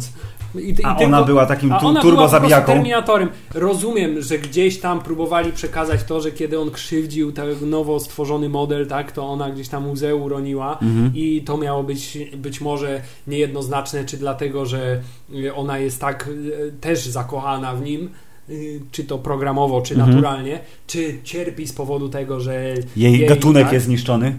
tak, ale mimo wszystko przez cały film jeśli coś robi, to zachowuje się jak Terminator, to znaczy w sposób Jest zupełnie, bezwzględna po prostu, zupełnie tak? tak, zupełnie bezwzględny sposób y, wykonuje polecenia i no zachowuje się jak klasyczny Terminator i strasznie mnie to raziło, bo spośród tych wszystkich y, postaci y, replikanckich ona absolutnie Czyli ona była, ona była najbardziej oczywisty w takim sensie, że Tak. była dosyć No jednowymiarowa, tak? Porównaj sobie głównego bad guy'a, jakim był Rutger Hauer i, i, i, i tę postać. On też w sposób brutalny zabijał swoich wrogów. On też y, y, był jakimś tam maszyną do mordowania. Ale mimo wszystko, ile y, jego jakby rozmyślań i, i tej duszy właśnie Mhm. y, y, y, robotycznej y, mogliśmy zaobserwować, a w przypadku jej właściwie Okej, rozumiem. Ja odczułem, w sensie nie miałem takiego... Yy, yy, Nie jest to jeszcze poziom, wiesz, pani z Waze z Inhumans, ale, ale jest, jest, niebezpiecznie blisko mimo wszystko. Okej, typu roli też podobnie. Mm. Czarna kobieta w obcisłym stroju. Yy, czarna w sensie czarnowłosa. Tak. Żeby nie było. Yy, nie miałem takiego, yy, w sensie totalnie, absolutnie rozumiem to, co mówisz, że to jakby ta postać tak była przedstawiona, ale też jakby ja przyjąłem ją z, dobrocie- z dobrodziejstwem inwentarza, bo to ona była tym w zasadzie jedynym przeciwnikiem, jaki się pojawił, takim faktycznym, yy, jaki się pojawił w czasie całego filmu i to, to znowu jest rzecz, która miała być w pierwszym Blade Runnerze, ale dzięki Bogu jej nie było, to znaczy, że Descartes miał na karate walczyć z y, Rutgerem Hauerem i Rutger Hauer powiedział, że ni chuja, nie ma, nie znam karate, walcie się, będę go gonił. Okej. I bardzo dobrze wyszło. No to tutaj tutaj, była- mamy taką namiastkę pojedynku karate. Była trochę E, zbyt duża liczba kopów z półobrotu. Tak, okej. I y, aczkolwiek tu jest znowu ten element, jakby to, co ja wpinam w, do tego katalogu z rzeczami, które są pokazywane od tak. To znaczy, y, jest w tym filmie kilka scen akcji szeroko pojętej, ale one wszystkie są takimi krótkimi wybuchami. To znaczy, ta scena choćby na y, tym wysypisku Chcesz śmieci, mi powiedzieć które... o tej scenie, o której też chcę powiedzieć, że nie znoszę tej sceny. Scena bez sensu, która jest w ogóle... Człowiek ląduje na wysypisku Dobrze. śmieci. Strzelają do niego. No. y, y, Niszczą mu statek, tak? Niszczą mu statek. Jest W bardzo prze- sprytny jest, sposób Tak, przy jest w przegranej sytuacji. Jest w przegranej sytuacji i nagle Deus Ex Machina okazuje się, że pan Wallace poprzez swoją robotyczną kompankę może sterować rakietami w dowolne miejsce w, na świecie, tak? I, Ja myślę, że oni go śledzili sytuację. cały czas. Oczywiście, że śledzili, to po to było pokazane, ale mimo wszystko, gdzie jest ta subtelność? No, po co była ta scena, że on, on i ona i oni ich wszystkich zniszczyli? Oprócz tego, że strasznie fajnie było pokazany przelot nad wysypiskiem, ten sposób, że tak powiem, złowienia tego statku pomysłowy. Nie- Jak Benjamin Franklin na, kurde, latawiec z piorunem. Tak, i jeszcze sposób na to, żeby pokazać, że y, Ryan Gosling też potrafi się obronić nawet w, y, przed przeważającą Okej, liczbą wrogów. e, to rozumiem. To jest ten przykład tego, że przez, obraz poszedł w kierunku przesady. To znaczy Otóż scena tak. była bardzo fajna, jak on wylądował, musiał się obronić i pokazał, że w ciągu dwóch sekund jest w stanie zabić pięć osób, w ogóle jakby nie e, męcząc się przy tym, bo to jest jakby wpisane w jego naturę, ale że nagle wyszło za wzgórza mnóstwo tych ludzi, to jakby ta scena została tak skonstruowana, że... powiedzieć, że zastanawiam się, jak on jako świetny, wiesz, cybernetyczny detektyw, Mhm. jakby nie pomyślał sobie, skąd się te rakiety wzięły, nie? Tak naprawdę. Jakby nie, A nie, a nie wiemy, czy to nie pomyślał. Po Znaczy, nawet jeśli pomyślał, to nie było to w żaden sposób nam zakomunikowane i nie miało też żadnego wpływu na jego dalsze poczynania, bo on nie zachowywał się już do końca filmu tak, jakby wiedział, że ktoś go śledzi i że Mhm. y, jego poczynania obserwuje. Dopiero kiedy już został, że tak powiem, y, odkryty, tak, Mhm. to dopiero wtedy zaczął się zachowywać tak, że ktoś może mnie śledzić. Huber i tu wracamy, robimy klamrę, bo to jest... Y, jakie imię mu nadała jego y, y, dziewczyna JPG? Joe. Joe, a on jest K, nie? Więc od razu wszyscy Joe K, czyli Józef K, czyli proszę pana Kawka, czyli osoba, która jest zniewolona, jest w tym labiryncie i tak naprawdę całe jej jestestwo to są tylko przebłyski wolnej woli i on jest zaprogramowany, czyli to, że był śledzony, on o tym wiedział, ale nie mógł z tym nic zrobić, bo to jest wpisane w jego naturę już. I Właśnie, wiesz, i tutaj, powiedzieć- I to jest ta nadbudowa filozoficzna, To- to jest którą ta- mógłbyś oczywiście drążyć strasznie, ale z drugiej strony ona jest taka, No właśnie, ale właśnie o aha, to chodzi- Józef K. okej. Ale o to chodzi, że film cię jakby ty- tym dużą liczbą wątków, które musisz śledzić, Mhm. jakby nie zachęca cię do tego, żebyś swoją uwagę poświęcał na to, co się gdzieś tam dzieje między wierszami mimo wszystko, a przynajmniej dużo mniej twojej, twojej uwagi tam kieruje. Coś, co w Blade Runnerze działo się mocno naturalnie, nie? Co, idziemy drugi raz? Żebyś teraz mógł się skupić na tym wszystkim Nie, koło. nie, nie wykluczam tego. Y, A, y, a mimo wszystko dużo więcej uwagi tutaj poświęca się temu, co się dzieje na pierwszym planie. Y, Co nie jest może jakimś super błędem, ale ja tego jakby nie kupiłem w 100%. Y, Ale Filip, dobrze, powracając, bo ja znowu Mhm. wtrąciłem się z moim marudzeniem. Tak wiem, Y, już czy, jesteśmy... czy, czy chcemy no. najpierw powiedzieć o tym, y, o jednym temacie, który napomknąłeś, czyli o tych wybuchach akcji i, Mhm. i o, o- tym, jak tempo akcji jest prowadzone, czy o tym, że pani Joy mówi na niego Joy i przejdziemy na wątek Joy, o którym możemy... To sporo przejdźmy na wątek Joy, bo teraz czas na trochę kobiecej delikatności w tym brutalnym świecie. Dobrze, Filip, więc tak jak powiedzieliśmy o najgorszej postaci kobiecej lub w ogóle nawet w tym filmie, według mnie, No. czyli pani Terminator, y, to na drugim y, końcu spektrum postaci jest pani Joy. Zresztą tutaj wiesz, też takie nie wiem, nie wiem co o tym myśleć, że jedna się nazywa Joy, druga się nazywa Love, nie wiem, nie wiem co o tym myśleć, czy to są To dobre jest po prostu, pomysły, czy nie, to jest... to jest proszę pana tylko komentarz twórców do tego, Czy że seks się- roboty już zaraz w, to, Czy, w czy, każdym czy, domu. jednak, czy jednak wolę jakby się, że wiesz, jak się y, replikanci nazywają Roy Batty, a nie y, Love. Joy Love? Tak. Nie, Albo K6-95, Tak. whatever. Otóż to, bo ze, ze, ze wszystkich tych tutaj y, postaci, to tak naprawdę i największy rozwój, ale nie wiemy, czy to jest tak naprawdę rozwój. No, to jest super. To I- jest takie i, dobre. I, największy y, jakby dy- dylemat, nie wiadomo czy dylemat, czy to wszystko zaprogramowane. Y, I, I najwięcej pytań wzbudza w nas tak naprawdę postać pani Joy, czyli takiej jeszcze kawałek dalej, bo wirtualnej, nierzeczywistej, y, Tak. niematerialnej kompanki, czyli sztucznej inteligencji w postaci hologramu. y, Trochę poniekąd magicznego, bo można go zabrać ze sobą i się. Ale tylko jak dostaniesz nowy sprzęt, bo jest, normalnie to jest... No oczywiście, jako upgrade, tak wiadomo. Wiadomo, i bardzo fajny. W ogóle chciałem powiedzieć, że jeszcze wracając do sfery wizualnej, że y, pani Joy jest jednym z najfajniej zrobionych hologramów, bo ona jest przezroczysta tak, Troszeczkę. tak delikatnie w tych takich scenach. Tak, mm, I właśnie złapałem się na tym, że sam zastanawiałem się momentami, czy on ją naprawdę dotyka, czy Mhm. tylko. I to jest super, bo były pierwsze te zdjęcia z, z kadry z filmu oficjalne, to pani Anna de Armas, która jakby pojawia się w scenach tylko z Ryanem Goslingiem w zasadzie, e, była pokazywana tak jak była na planie, to znaczy ona była w stroju, deszcz na nią padał i ona nie, nie miała tego efektu i ten efekt właśnie takiej delikatnej przezroczystości, który się pojawił, e, to pojawił się dopiero na ekranie i to było dla mnie haha, bo byłem ciekawy, jakby zobaczyliśmy ją po raz pierwszy jako robota, e, w sensie jako, jako e, hologram, jako projekcję, i byłem ciekawy, czy to jest na przykład, ej, my ją zro- zrobiliśmy na wzór kogoś i ta prawdziwa postać, ona wróci potem w filmie. Okazuje się, że nie i super. I że ona jest tylko y, tworem, produktem. Y, I to była dobra zmyłka taka. Zanim jeszcze obejrzałem film, to bardzo mi się No podoba. i właśnie, poznajemy ją na początku jako taki y, zupełnie wiesz, generowany przez to ramię, które tam po suficie, po pokoju biega, y, hologram, który ma służyć jako, wiesz, taki towarzysz dla samotnych przegrywów. Y, tak. tak, znaczy udaje, że ugotuje obiad, tak, udaje, że się dla ciebie rozbiera i nie, nie wiadomo, co tam jeszcze ona potrafi wykonać.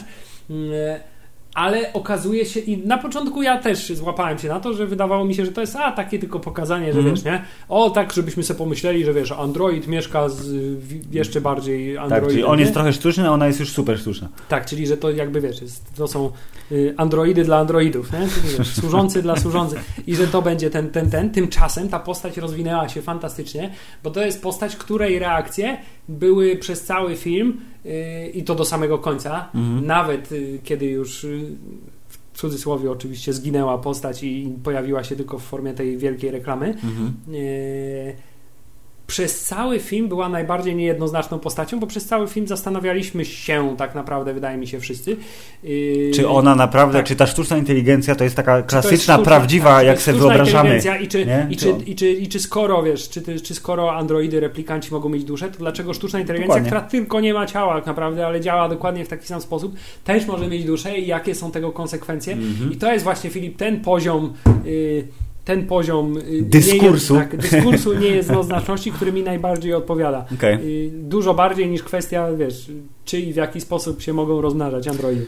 Rozumiem i to ja się super cieszę, że ten wątek się pojawił i że on był tak istotny w filmie, bo jakby głównym bohaterem jest postać Ryana Goslinga, który jest jednoznacznie sztucznym tworem, ale ma te same rozterki, jakie miał Roy Batty w filmie, tylko że dużo bardziej powściągliwie je e, po- pokazuje Y, i e, postać Joy, która wprowadza do tego świata właśnie to dodatkowe dno, bo to jest jakby to jest wektor, proszę pana, fabuły skierowany w tą samą stronę, tylko że bardziej, nie? Tak czyli że jest sztuczny, ten meta, nie? incepcja i w ogóle whatever. I sam fakt, że ona, ona jest tak zagrana i to jest w ogóle też fantastyczna rola, bo pani Anna de Armas, mam wrażenie, że jej pierwszą dużą rolą to był ten film, gdzie z drugą koleżanką na Golasa terroryzowali Keanu Reevesa. A, ty, E, tak. tak. mi się kojarzy. E, I nie wiem, czy ona gdzieś jakoś intensywnie grała bardzo po angielsku. Nie, o właśnie, to jest jej pierwszy Knock, angielski knock. film. Dokładnie. Więc y, bardzo się cieszę, że miała okazję zabłysnąć, bo jestem przekonany, że już zaraz, tak jak ona jest zresztą y, pochodzenia dosyć nieamerykańskiego, jest Kuba. To, dość nieamerykańskie. Tak, Znaczy jest ja- z Kuby, to tak jak pan Pe- Pedro Pascal wybuchł po Grze o Tron i teraz go oglądamy w co drugim filmie lub serialu, tak jestem przekonany, że ona po tych mniejszych rólkach w tym filmie teraz zrobiła boom i zaraz Anna de Tak, Armas bardzo do wyżygania. Zresztą ja chciałem powiedzieć, do wyżygania, tak. Zresztą Mm. ja chciałem powiedzieć, że y, tak mocno takie nuty Penelopy Cruz w niej odnajdywałem Mhm. przez cały ten film. No, Y, pomijając fakt, że oczywiście szalenie atrakcyjna, co jakby Oczywiście, dodatkowo no tak, wspomaga nie, odbiór. Nie przeszkadza zdecydowanie w odbiorze. Dobrze, to teraz Hubert musimy nasz y, rozpędzony bolid y, intensywnego omawiania głębokich filozoficznych wątków do pit stopu wjechać i powiedz, jak bardzo nowy fetysz się narodził teraz w tym filmie. Znaczy dwie kobiety naraz dosłownie jednocześnie right now. Ja myślę, że to już jest, wiesz, częściowo do zrealizowania nawet. No. Myślę, że już, już pewni producenci, wiesz, jakichś aplikacji z wirtualnej rzeczywistości, czy też rozszerzonej rzeczywistości, tak jak, wiesz, ja miałem okazję zagrać w Jedi Challenges, to wcale bym się nie obraził, gdybym miał okazję zagrać w grę, która ma trochę inny, że tak powiem, wątek fabularny. Ale to, wiesz, to najciekawsze jest to, że to częściowo jest już do zrealizowania w naszym świecie.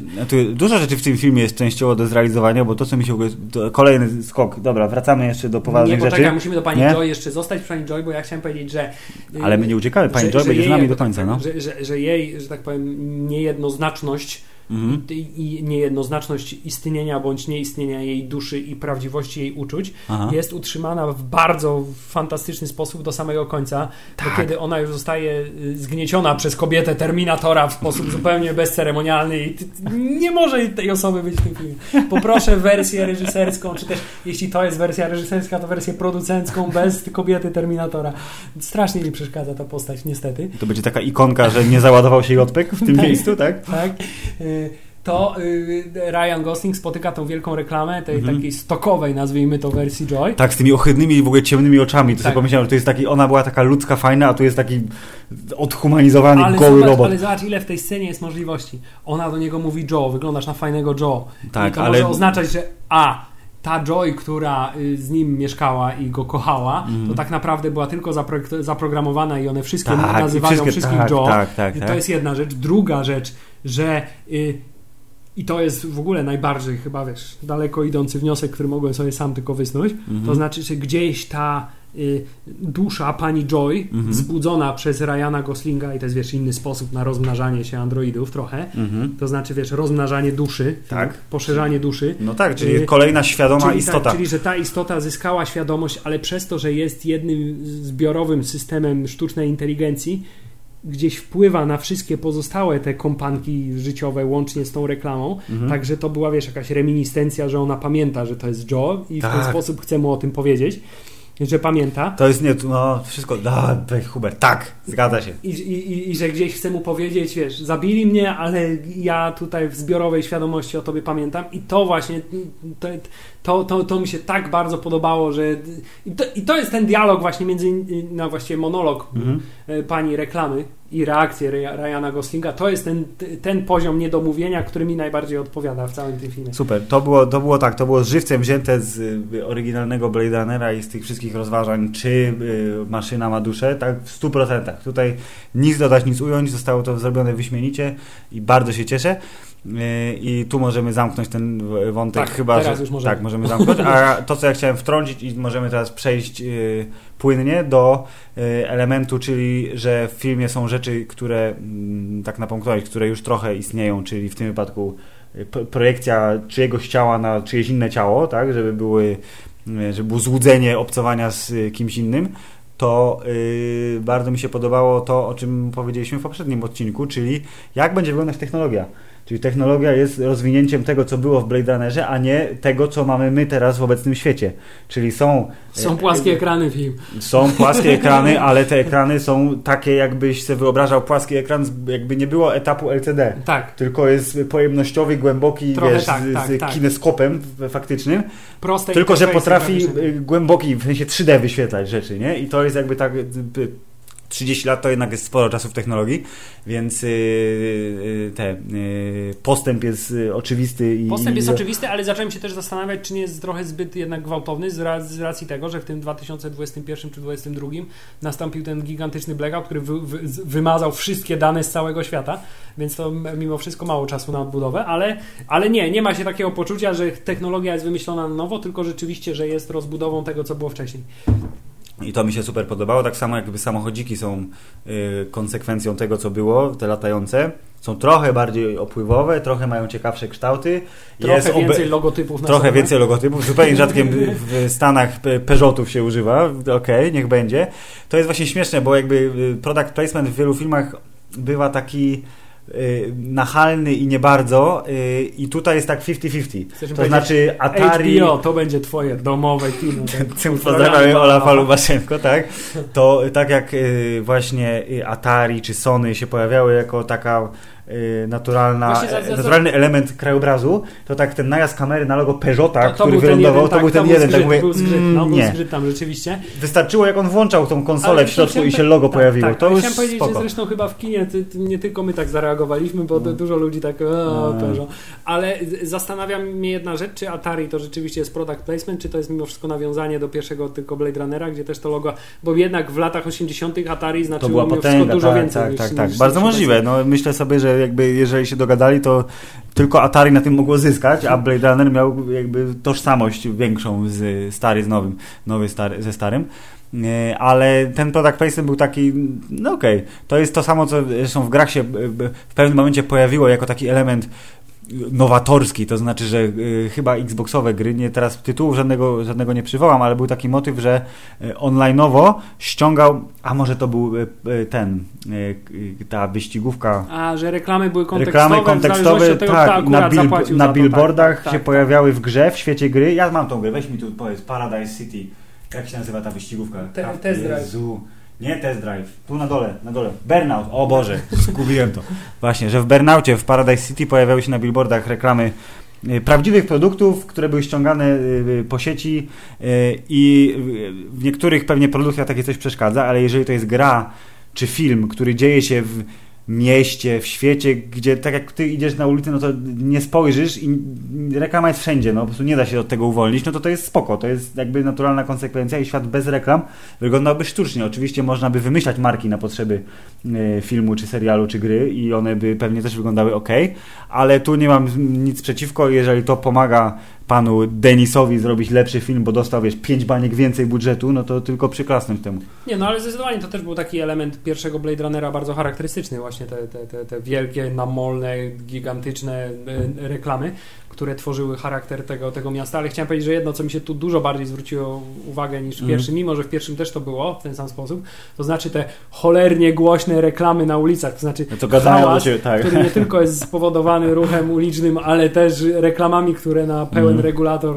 y, ładują ci, że możesz sobie wyjechać na kolonie i tam żyć Tak, jak tak, raju. tak. Mm, To, to, to by było nie do przeżycia film. No ale to jest rzecz, którą wy- wymyśl, wymyślono, w sensie spodziewano się tego już dawno temu, czyli że natłok reklam będzie cię zalewał, zalewał zewsząd. Na szczęście nie mamy już tego w naszym małym świadku ekraników w domach czy w komórkach, czyli pop-upów, które ci wyskakują i naparzają strasznie, wiesz, musisz zamykać je wszystkie, bo niechcący wlazłeś na stronę, która przypadkiem ma gołe biusty Tak jest. w 98 roku. Tak, wtedy wlazłeś na taką stronę, to porażka. To już koniec, już A, po systemie tak. się instaluje. I... A ty, ty, teraz jakby no ten Blade Runner robi to, co w latach 80. robił pierwszy, czyli jakby te reklamy są takie wielkie, latające, nie są w twojej komórce, w twoim systemie czegokolwiek, yy, czego używasz, tylko one są na tych yy, latających nie wiem, czy to był balon z tym Off-World Colonies, ale powiedzmy, że to miał formę takiego cepelina, nie? Tak, Ten, co tak, gadał. Tak, tak, tak. Te wszystkie hologramy, które w ogóle to byłoby Chodzą po przerażające. ulicy, tak. Chodzące po ulicy wielkie hologramy baletnic, to ja bym przecież wypadek spowodował, jakby nagle taka noga się pojawiła przed samochodem. Biorąc pod uwagę, że samochody prawdopodobnie też są autonomiczne już, więc. Okej. Ale Filip, y, jeszcze chciałem p- a propos technologii, No. ale trochę też wrócić do pani Joy, bo dwie rzeczy z panią Joy związane, które w jednym momencie strasznie fajnie fabularnie się sprawdziły, w drugim nie za bardzo Mhm. i są związane z technologią. To znaczy, pierwszy element, to znaczy, kiedy mamy tą wzruszającą scenę, kiedy ona wreszcie może wyjść na deszcz i poczuć, nie poczuć, nie wiadomo, czy czuje te krople deszczu, które na nią spadają. I w pewnym momencie, kiedy już mamy wiesz, kumulację całą tej sceny, to wiesz, ona się zatrzymuje i jest Tak, o, bo pauza. połączenie przychodzące. Tak. Strasznie słaba technologia, która cię zmusza do wyłączenia tego, co się akurat dzieje, bo akurat coś dzwoni. Wiesz, to jest jak pierwszy iPhone, nie ma wielozadaniowości. No, no. Ale to było fabularnie takie, wiesz, nagłe wyrwanie cię z tego zrozum- Tak, zrozumiane, mhm. że o, to jednak jest sztuczne, nie? To Tak. uczucie nie może być prawdziwe, bo ona teraz zamarła, bo jest Mhm. telefon. I to w jaki sposób on dostając rozkaz, wiesz, ją natychmiast opuszcza i idzie Mhm. Bo jest na niego. posłuszny. Tak, bo jest posłuszny. To, było, to się fajnie sprawdziło, ale to, że w tym super nowoczesnym urządzeniu do robienia magicznych hologramów w dowolnym miejscu, w dowolnym czasie, które nie wiem, ja sobie to tylko tak wyobraziłem, że one mogłyby się generować bezpośrednio, wpływać na twoje fale mózgowe i że wtedy tylko on widzi tę postać. Nie wiem, tak sobie to No, no, no, no. że to tak mogłoby działać. Że w tym urządzeniu nie da się go wyciszyć i w każdym momencie on zostaje przydybany, że przez ten dźwięk tej, tej, tej, tej joy. Tak, tak, tak, melodykę, Wiesz, która jest jakimś w Nokia ogóle- Tune, tak. A to była jakaś melodyka, e, e, jakaś klasyczna muzyka, tylko rzeczywiście jakoś jestem ignorantem, to nie przywołam Tak, tego tak, teraz, tak, ale... Tak, z- y, że tego się nie da wyłączyć. Mhm. I to z kolei fabularnie mi się bardzo nie podobało, bo to było jest takie, wiesz, to jest taki, jest taki, taki był, mi się wydawał element fabularny na zasadzie nie wiem, ktoś kogoś przyłapał, jak kogoś akurat zdradza, wiesz, nie? Na No. zasadzie, y, ty, ty, rozmawiasz z kimś i masz ten dźwięk w kieszeni, to oznacza, że bla, tak, bla, bla. tak, tak. Więc, że się tego nie da wyciszyć, to jest słabe na maksa, nie? To Bo- tak a propos technologii. To jest a propos władzy korporacji, to jest produkt. i Wibracja, coś, wiesz, nie? Jakiś ten, nie? No dobrze, no, ale to, co mi się też podobało y, fajnie, że po tym ataku y, piorunowym, jak spadł samochód, to ona. Czy to też jest takie dziwne, że technologia jakby jak nie ma prądu, to ona powinna się jakby w jakiś sposób zresetować i to jest, to jest ta jedna rzecz, która się pojawia we wszystkich filmach, to znaczy wszystkich albo wielu filmach. Jeżeli masz jakiegoś rodzaju system, y, To on- cokolwiek, że po tym ataku prądowym Będzie EMP działał, ale działa, ale trochę gorzej, Trochę, czyli tak. nie działa jak cyfrowy produkt, tylko analogowy. To znaczy, Tak. że kaseta, która robi bo mało jest prądu, to tutaj jest mało prądu, nazwijmy tak w cudzysłowie, mało prądu, więc ona trochę działa, ale trochę nie działa. Czyli, czyli... tak jakby była podłączona jakimś chińskim tanim kablem HDMI i... Tak, prostu...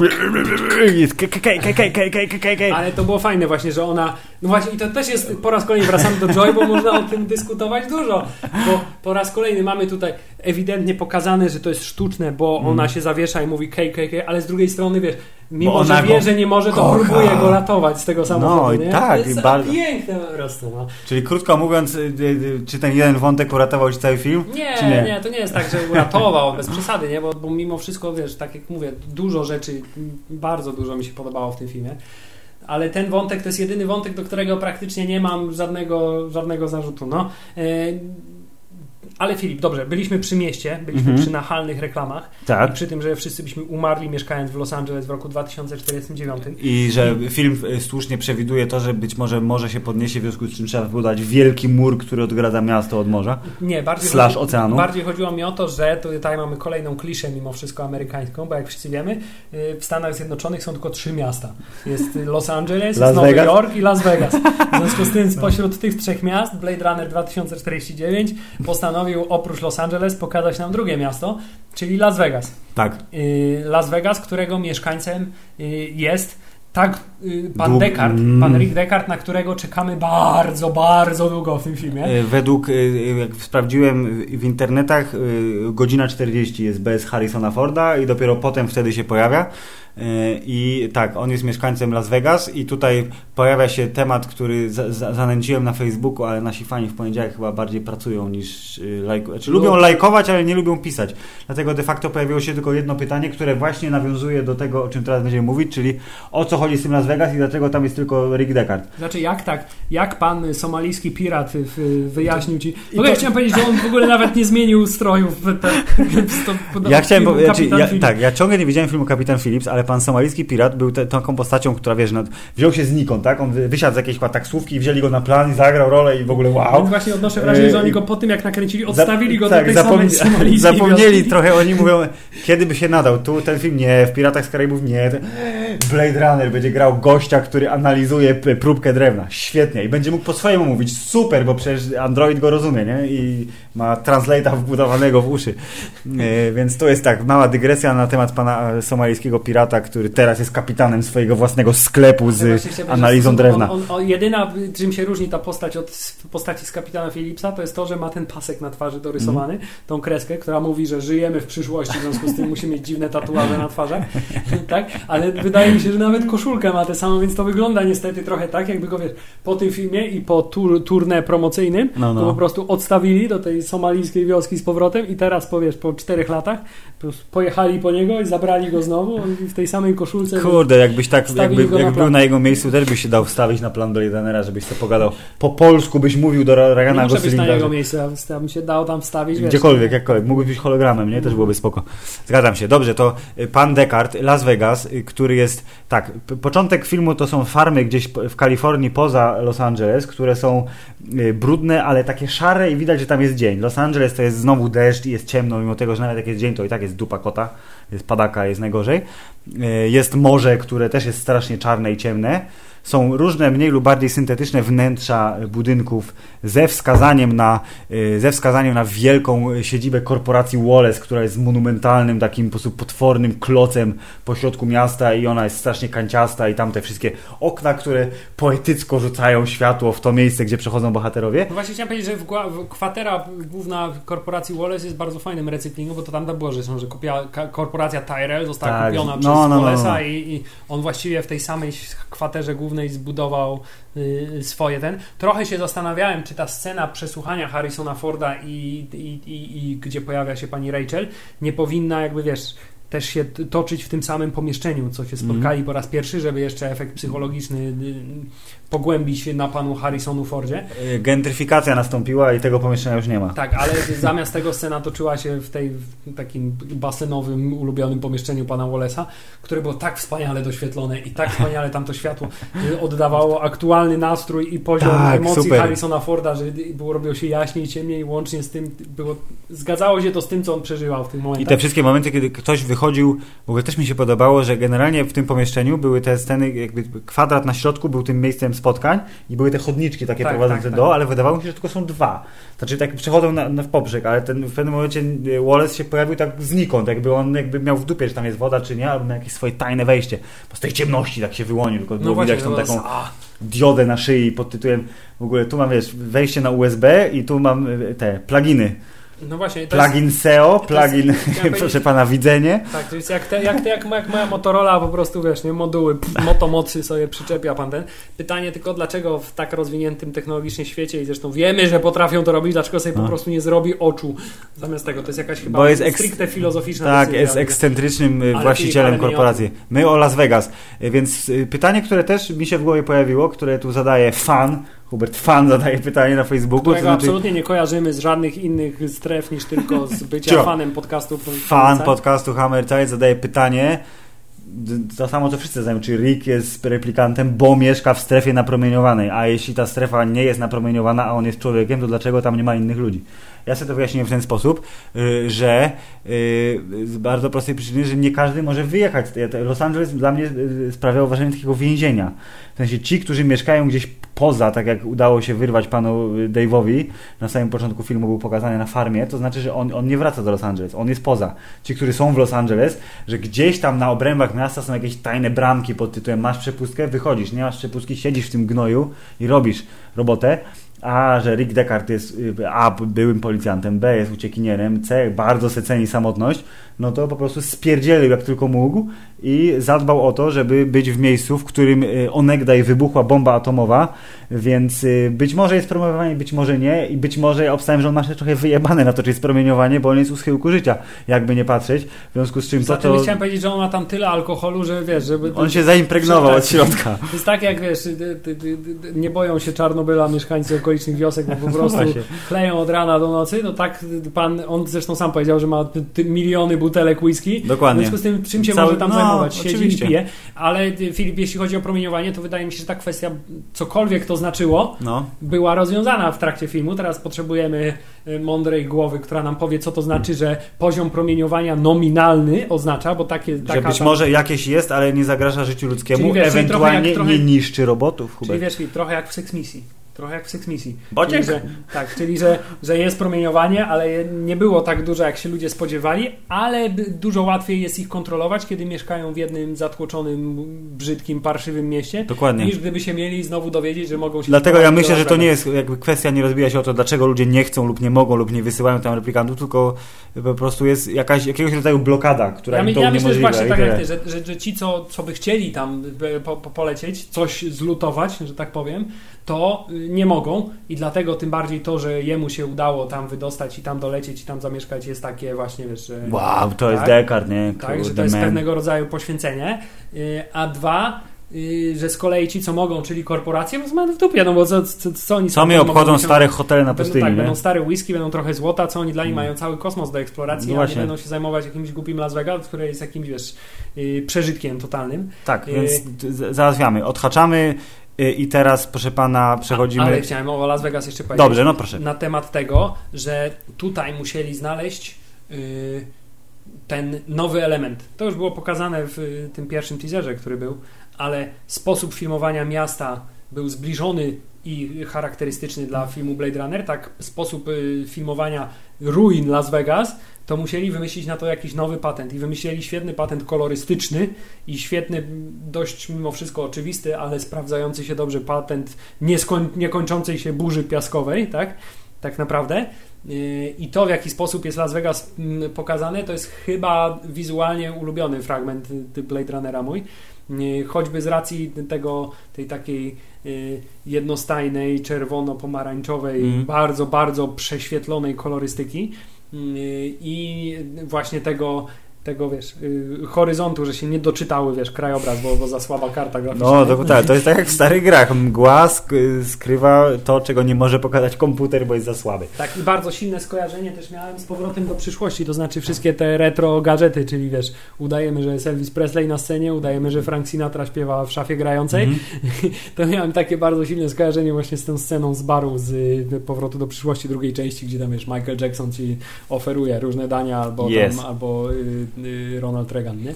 Y, tak, i y, ja, to, na co ja zwróciłem uwagę, to jest to, że właśnie y, Las Vegas w tej wersji samotniczej, bo to jest taka turbo wielka samotnia pana Harrisona Forda, y, siłą rzeczy jest takim y, dużo bardziej domowym i naturalnym miejscem, bo a, ma pieska, który być może jest sztuczny, być może nie, nie wiemy, zapytamy go, jak Poza, go poza spotkamy. panią Joy jest y, drugą najbardziej niejednoznaczną postacią w tym filmie. Ten pies. Tak, czyli pies, który pije whisky z podłogi zresztą, bardzo istotne. E, dwa, to, że on nawet, wiesz, nie postarał się, żeby jakąś miskę załatwić. Nie, tylko na Po prostu- Pi.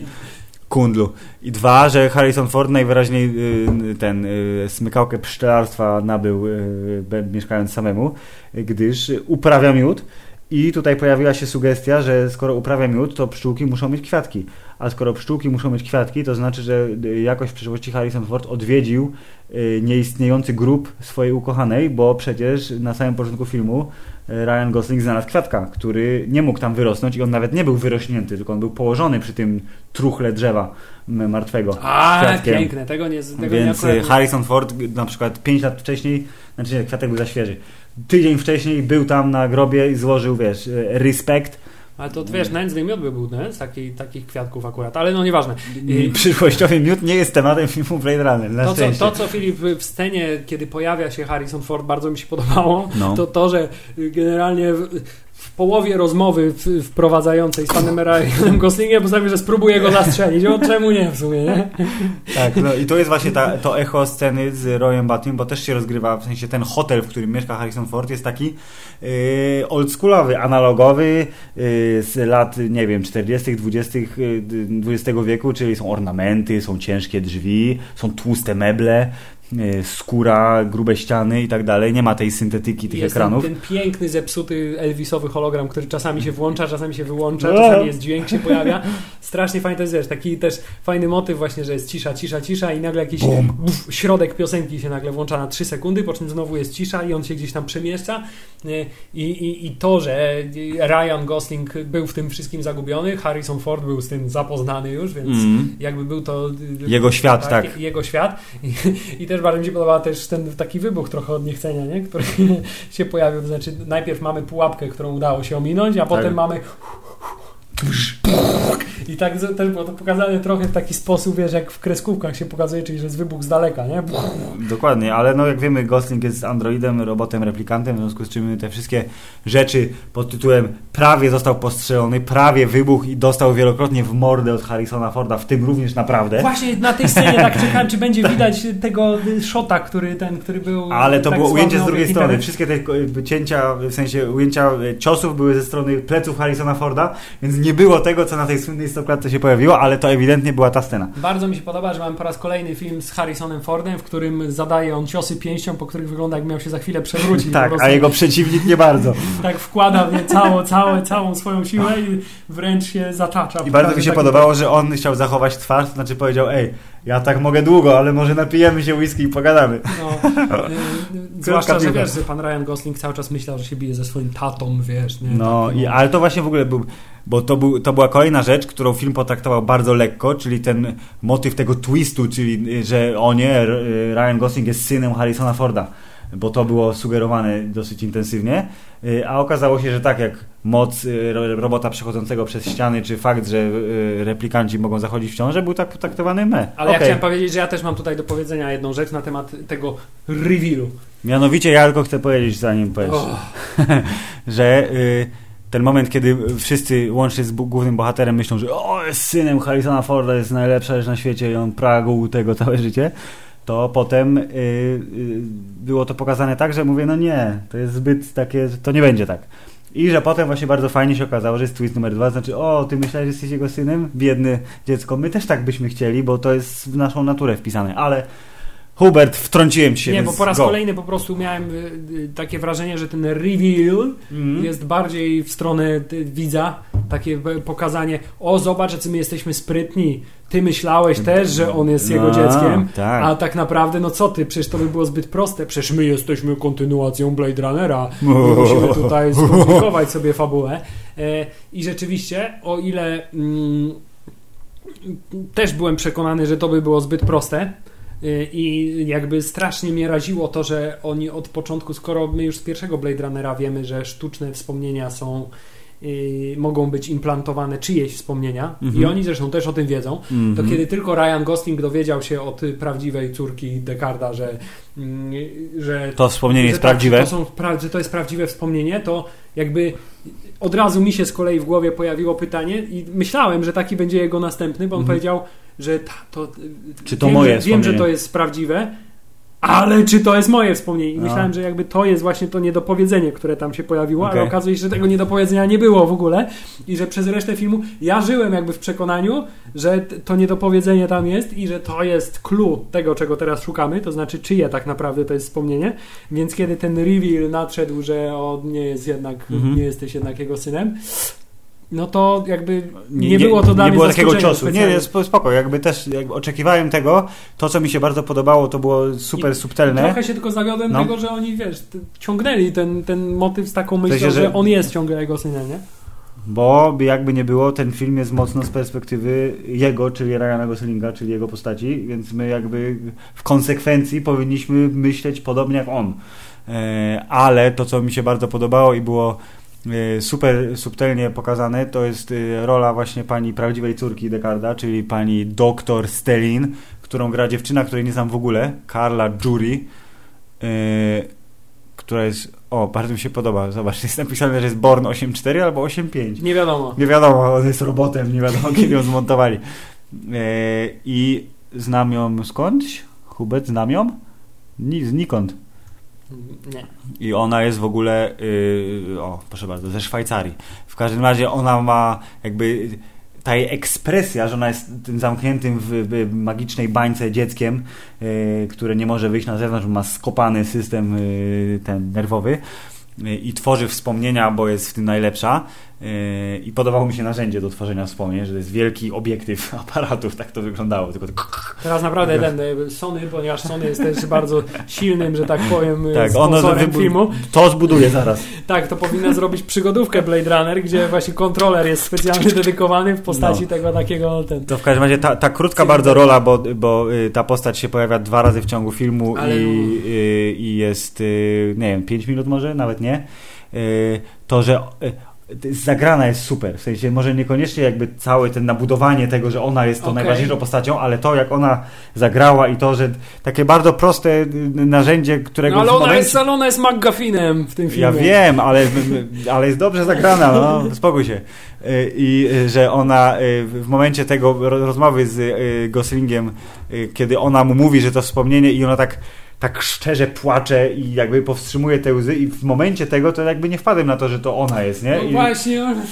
I potem mówię, o i to jest, dochodzimy do tego momentu. Druga rzecz, która ci się nie podobała w kwestii fabularnych To znaczy tak, zawiłości. Znaczy tak, nie podobało mi się, znaczy o ile zgadzam się, że to było fajnie, fajnie zagrane, tylko że to było właśnie taka scena mocno w moim mniemaniu i całe to rozwiązanie, że to jest ona właśnie. Mhm. Taka mocno nie Blade Runnerowa, bo to jest takie, taki wiesz, taki właśnie klasyczny hollywoodzki chwyt pod tytułem widzimy coś w połowie filmu, co jest pozornie musi- nieistotne. tak, musi wrócić. y, A potem się okazuje, że to jest clue całego filmu i to jest to wielkie zaskoczenie dla widza. Y, Gdyby to miało być proste, wielkie no. zaskoczenie, to by musiało być więcej możliwych tropów. Tu tych tropów w zasadzie nie było, bo przecież nikt by się nie spodziewał, że y, dziewczyna, y, y, czekaj, jakiej tam było?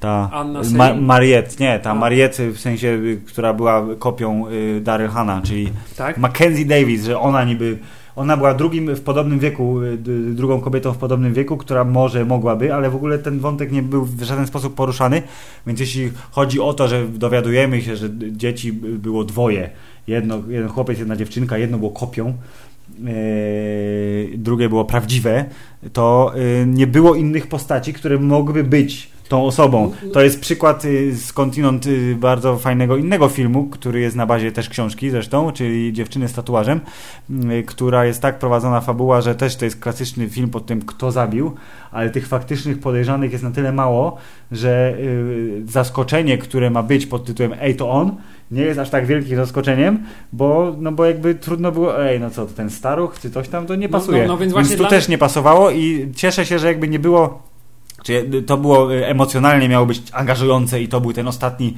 finałowy jakby punkt fabularny, y, ale mimo wszystko, y, tak jak cały film nie skupiał się tak bardzo na tych ważnych akcentach i nie atakował cię, że to jest ważne, patrz, tu, bum, bum, bum, to tak samo to też tak potraktował delikatnie, tak jak cały film był traktowany delikatnie, ale zgadzam się, że y, y, niepotrzebnie jakby tak to, w sensie ona, no nie, nie wiem, Nie Mo- no. mogli to zrobić inaczej. Nie no. no, większym zaskoczeniem było to, że nie, że to jest ona, tylko że oj, oj, oni jednak poszli w tę stronę, dla mnie przynajmniej. Bo nawet nie zakładałem być może nawet tego, że to się w ten sposób rozwiąże, ale nie z tego względu, że to było tak sprytnie ukryte Filip i tak wiesz, i tak, i tak w zaawalowanej fabule gdzieś tam mm, skrzętnie schowane. Hubert, tylko dlatego, że jakby nie spodziewałem się, że w ten sposób zostanie ta intryga rozwiązana, tylko że to będzie coś mimo wszystko dużo bardziej subtelnego, a nie taki poniekąd też bardzo tradycyjny, de- detektywistyczny, y, wiesz, detektywistyczny te, te, temat, że y, coś się pojawia nieznaczącego, a potem się okazuje, że to jest kluczowe i że osoba, która nie miała być tylko elementem śledztwa, to teraz jest tak naprawdę kluczowa dla całej fabuły. Okej, zgadzam się, ale chciałem tu teraz wrzucić hammerzeitowy, yy, proszę pana, szpilę hammerzeitową. Powiedziałeś przed chwilą rozwiądrze i ja teraz myślę o tym, bo zamiast rozwiądrze, to zabrzmiało jako rozwiądrze i sobie wyobraziłem Rozwiądrze? Davida Schwimmera, który siedzi w jądrze. Okej. Rozwiądrze. Chcę mi powiedzieć, że nagrywasz się z mojej dykcji. Ale to tylko dlatego, że ten film wywołuje tak wielkie emocje, więc to jest kolejny dowód na to, że Blade Runner nowy jest fantastycznym filmem. Ja tutaj snuję Filip, jakieś poważne rozważania, a ty się czepiasz jakichś e, słówek, no. Hubert, za to nas 350 fanów kocha, dwóch. Dwóch, tak. No. Czy koła nas chyba 345, bo tam ci tylko... A, follow, tak? To się liczy. Okej, dobra. E, czy jeszcze nam został jakiś ważny... A, tak, ważny A, element. tam- ale właśnie Filip, Dobrze, a no. propos, jeszcze pytań, które zadają nam fani, to y, jeszcze jeden nasz fan, zupełnie y, nie związany z tym fanem, który zadał nam pytanie na Facebooku, czyli tylko ktoś zupełnie inny, zadał mi dzisiaj face to face, face, to face pytanie na jednym, jednym z moich rozlicznych spotkań z naszymi fanami. Tak, no, które no, no, no, organizuję no, no. w Poznaniu, zapraszam.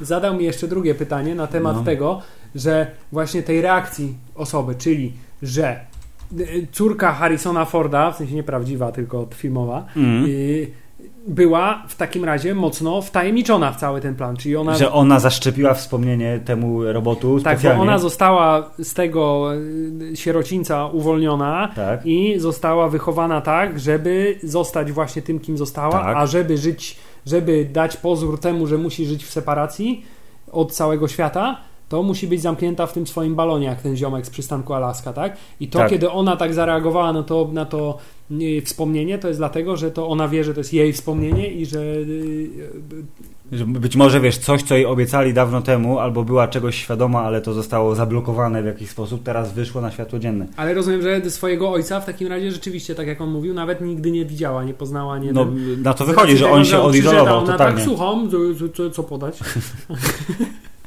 Jakieś wspomnianko dla pana?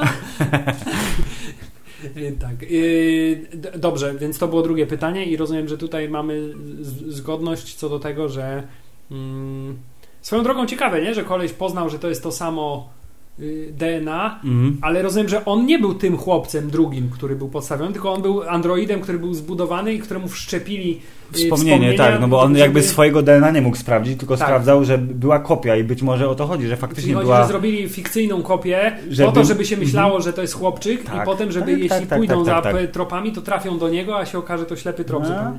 Tak, i na przykład go zlikwidują, bo przecież taki był cel po, policji, żeby zabić e, Dobrze, dziecko to, robota. To by sugerowało, że oni mają swoje macki również głęboko wewnątrz korporacji Wallace'a i, i produkują wręcz replikantów z myślą o przyszłym buncie, czyli tych zbuntowanych replikantów, uśpionych agentów, nazwijmy to, Mhm. może być bardzo, bardzo, bardzo, bardzo dużo. Bardzo, bardzo dlatego będzie ciekawa przyszłość tego uniwersum, cokolwiek się stanie, bo nawet jeśli... Czyli y, następny, następny po prostu odcinek to będzie Blade Runner Infinity War. Może być. Ja obstawiam właśnie tak a propos, w ogóle zastanawiam się nad tytułem, jestem przekonany, że jak powstanie trzeci Blade Runner, Też to... będzie z datą. Nie, właśnie nie, to Nie? tytuł będzie słowem, bo jest Blade Runner, drugi jest Blade Runner Data, a trzeci będzie słowo, które oddaje ci, wiesz, clue. Będzie, Blade wiesz, Runner Rewolucja. no, Blade Runner r- Reaktywacja. R Evolution. Z- nie? Wiesz, jak No, ten, no, e, rozumiesz e, trochę, do czego pije, Filip? Tak, a, a, ani, ani Runner Blade. Okej. E, więc y, może tak być. Jest słowo, to jest moja pre- predykcja. Może tak być. To jest- Lub, no, Lub nie no, musi lub tak nie musi, dokładnie. Descartes jest replikantem lub nie. Dobrze, Filip. I wszystkie drogi prowadzą nas do. Y, w każdym filmie amerykańskim, nawet tak ambitnym jak Blade Runner, musi być finałowy pojedynek. Co, chcesz powiedzieć o tym karate ciosie nad, nad wodą? Z Nie, chcę powiedzieć twojej... o całej tej scenie, która jest z jednej strony, strony y, Super. su- zaskakująco skromna, co jest bardzo fajne, bardzo Tak. mi się podoba, że w sensie nie, nie, wiesz, nie latają między budynkami, nie rozwalają ten ścian. Jak w Supermanie? Tak, albo jak w Matrixie, nie? No to jest to samo Tak, w sumie. Ten pojedynek, na- jeden tak. i drugi to jest ten sam pojedynek, ale, ale no. nawet statkami specjalnie się Mhm. nie ten nie jakby nie strzelają. Nie ma- rozbijają nie, w ogóle, Tak, no, nie, ma, no. nie, ma, nie rozbijają się po mieście, tylko statek jest zestrzelony, ląduje gdzieś tam w jakimś bardzo mrocznym miejscu, gdzie głównym zagrożeniem jest woda y, y, napływająca y, i, i, i porywająca i topiąca wszystkich po kolei. Y, I, I cały ten, że tak powiem, rozwiązanie akcji się toczy właśnie tam. Mhm. Y, I tutaj jest jeden ten moment, gdzie ta, y, tutaj też zataczamy kółko, gdzie ta muzyka Hansa Zimmera sprawdziła się idealnie. Bo tutaj miałem taki trochę moment, że w tej scenie tego końcowego pojedynku, nazwijmy to, muzyka działała na mnie tak samo silnie, jak działała muzyka w Dunkierce, co jest ba- bardzo silnym komplementem. Biom, biom, biom. Nie, bo, bo, bo, bo No, no, no. budowała ten klimat tego, co tam się dzieje y, w sposób absolutnie fantastyczny i była kluczowa dla tej sceny. Bez, bez tej muzyki ta scena nie, nie robiłaby absolutnie takiego wrażenia. Okej, i to jest właśnie to, że wtedy nie było kung fu, tutaj było trochę kung fu, ale jak powiedziałeś, na tyle skromnie, żeby w zasadzie tylko zaznaczyć to, że to super ludzie się naparzają, a nie zwykli ludzie, tak? Bo to robot, który wytrzyma super cios i robot, który jest w stanie zadać super I po raz cios. kolejny zadanie z ciosu nożem nie robi wrażenia na niej. Dokładnie. E, ale nawet super roboty nie są odporne na super utopienie, więc jakby w tym wypadku y, woda psuje prąd, wiadomo, nie? Jak zalejesz ten magnetofon, Hubert, to kasety ci nie odtworzy, no. Zdecydowanie. jest bardzo proste. E, ale jeśli chodzi o po pojedynki i super śmierci, to chciałem powiedzieć, że Robin Wright umarła jak chyba prawdziwy badass motherfucker. Właśnie chciałem powiedzieć, że ten, że pominęliśmy postać Robin Wright w tym filmie, choćby dlatego, że jest postacią dość mocno pomijalną.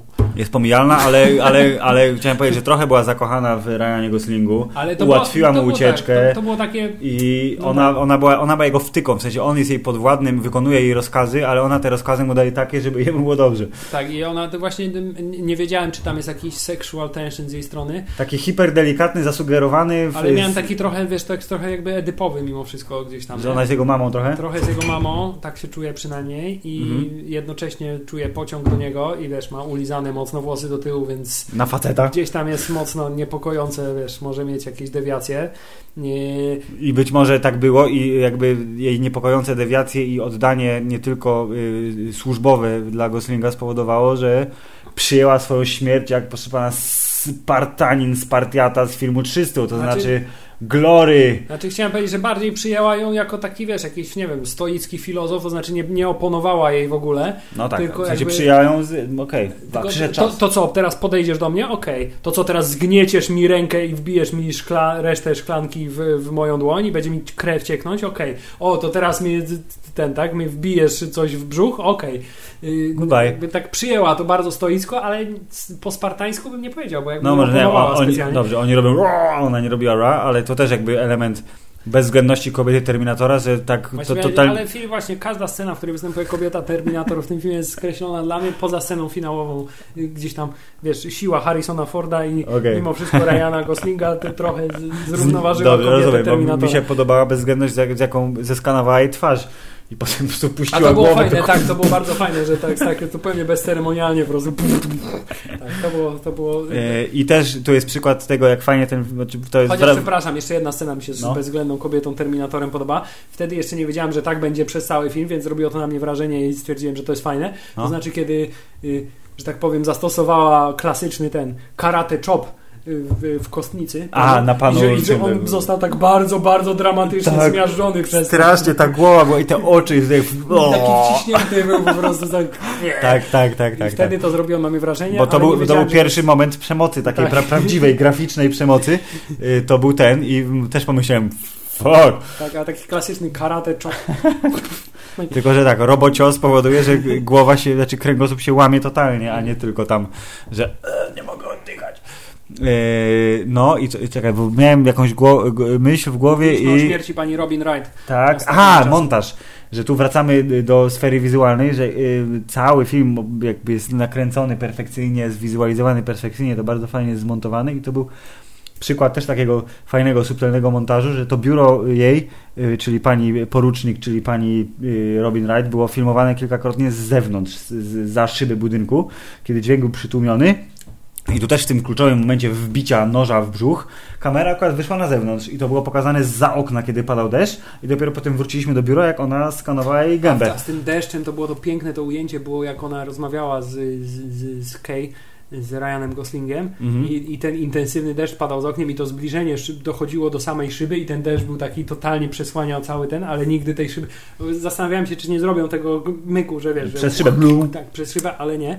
E, Bo to jest Saw 2005. No ale to wiesz, to jest przykład jednego no, z setek po prostu Tak. pięknych, pomysłowych, fantastycznych ujęć. I proszę pana, zataczamy, i widzisz jak ładnie, podcast Hammer tak zatacza krąg teraz, wracamy do tego, od czego zaczęliśmy, czyli że Blade Runner jest bardzo śliczny i to oznacza, że pomału zbliżamy się do końca chyba tego odcinka. Chyba Hubert. tak. No tak, no bo w, po raz kolejny muszę tylko powiedzieć, że tak jak w pierwszym Blade Runnerze, który też był przecież przepiękny, Mhm. to mimo wszystko ujęcia bardziej budowały nastrój, a tutaj mimo wszystko te ujęcia są chyba bardziej w służbie fabuły.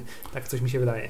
Tak, pomijając te y, e- ewidentnie, wiesz, y, wycyckane i cudowne, chociaż nie zresztą w służbie fabuły, bo to, że ta woda tak drgała w tym biurze, które było na wodzie u Wallace'a, to wiesz, to jest wszystko takie to się zaraz stanie. Tak, ale wrócę do tego.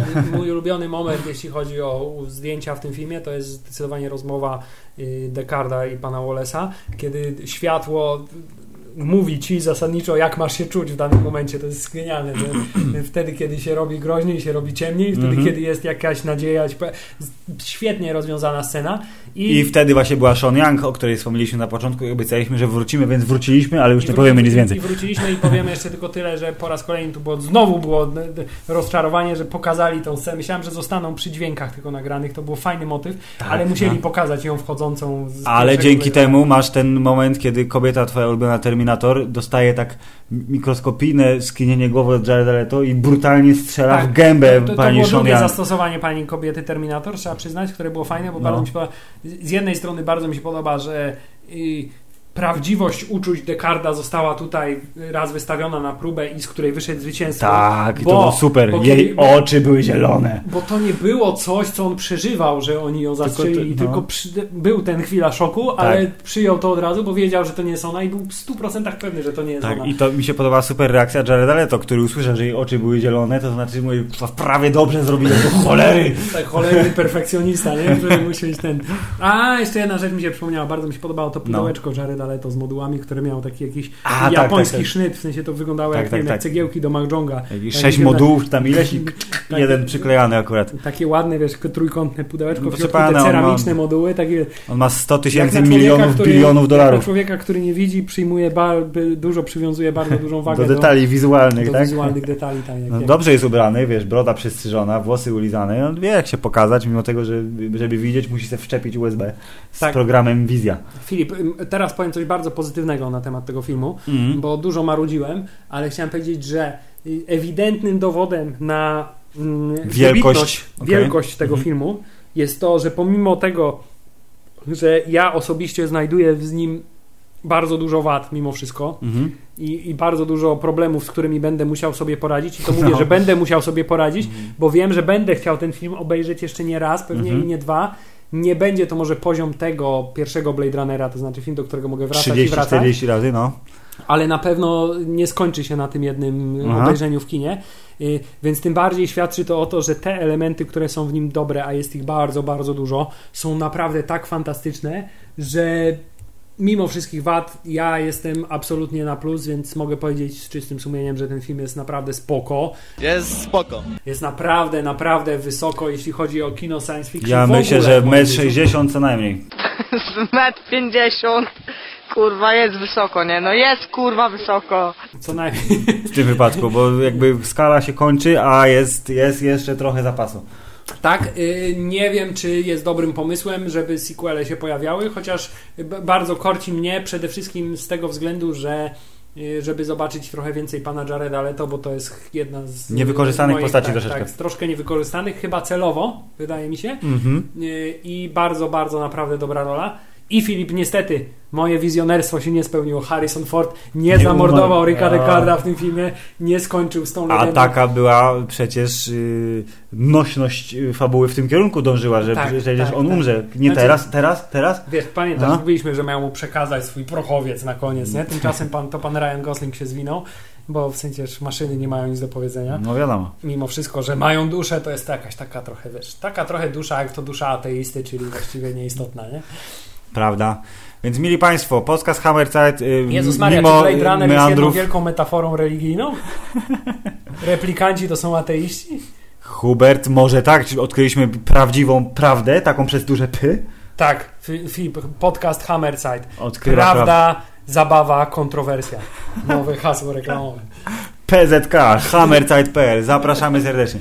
Podcast Hammerzeit jednoznacznie stwierdza, że y, mimo pewnych różnic zdań y, stwierdzamy, jest to bardzo dobry film i koniecznie musicie iść na niego do kina. Chociaż po tym podcaście już prawdopodobnie nie musicie, bo już wszystko o nim wiecie. Ale obrazków nie da się usłyszeć, więc może jednak spróbujcie. Chciałem powiedzieć, że właśnie oni nakręcili to dużo lepiej niż my to opowiedzieliśmy, Dokładnie. więc, Są więc trochę zdolniejsi od nas, na szczęście. gdzie E, trochę to jest bardzo Tak, eufemizm. P- Polecamy się, polecamy Blade Runnera. Y, Dzisiaj w nocy, czyli nad ranem polskiego czasu, zwiastun Gwiezdnych Wojen, więc już za chwilę podcast Star Warsowy. A co się wydarzy później w naszym małym podcastowym świecie, to jeszcze nie wiemy, ale na pewno napiszemy o tym na Facebooku. Dziękujemy, pozdrawiamy i pośnijcie o elektrycznych owcach elektronicznych. Chociaż troszkę.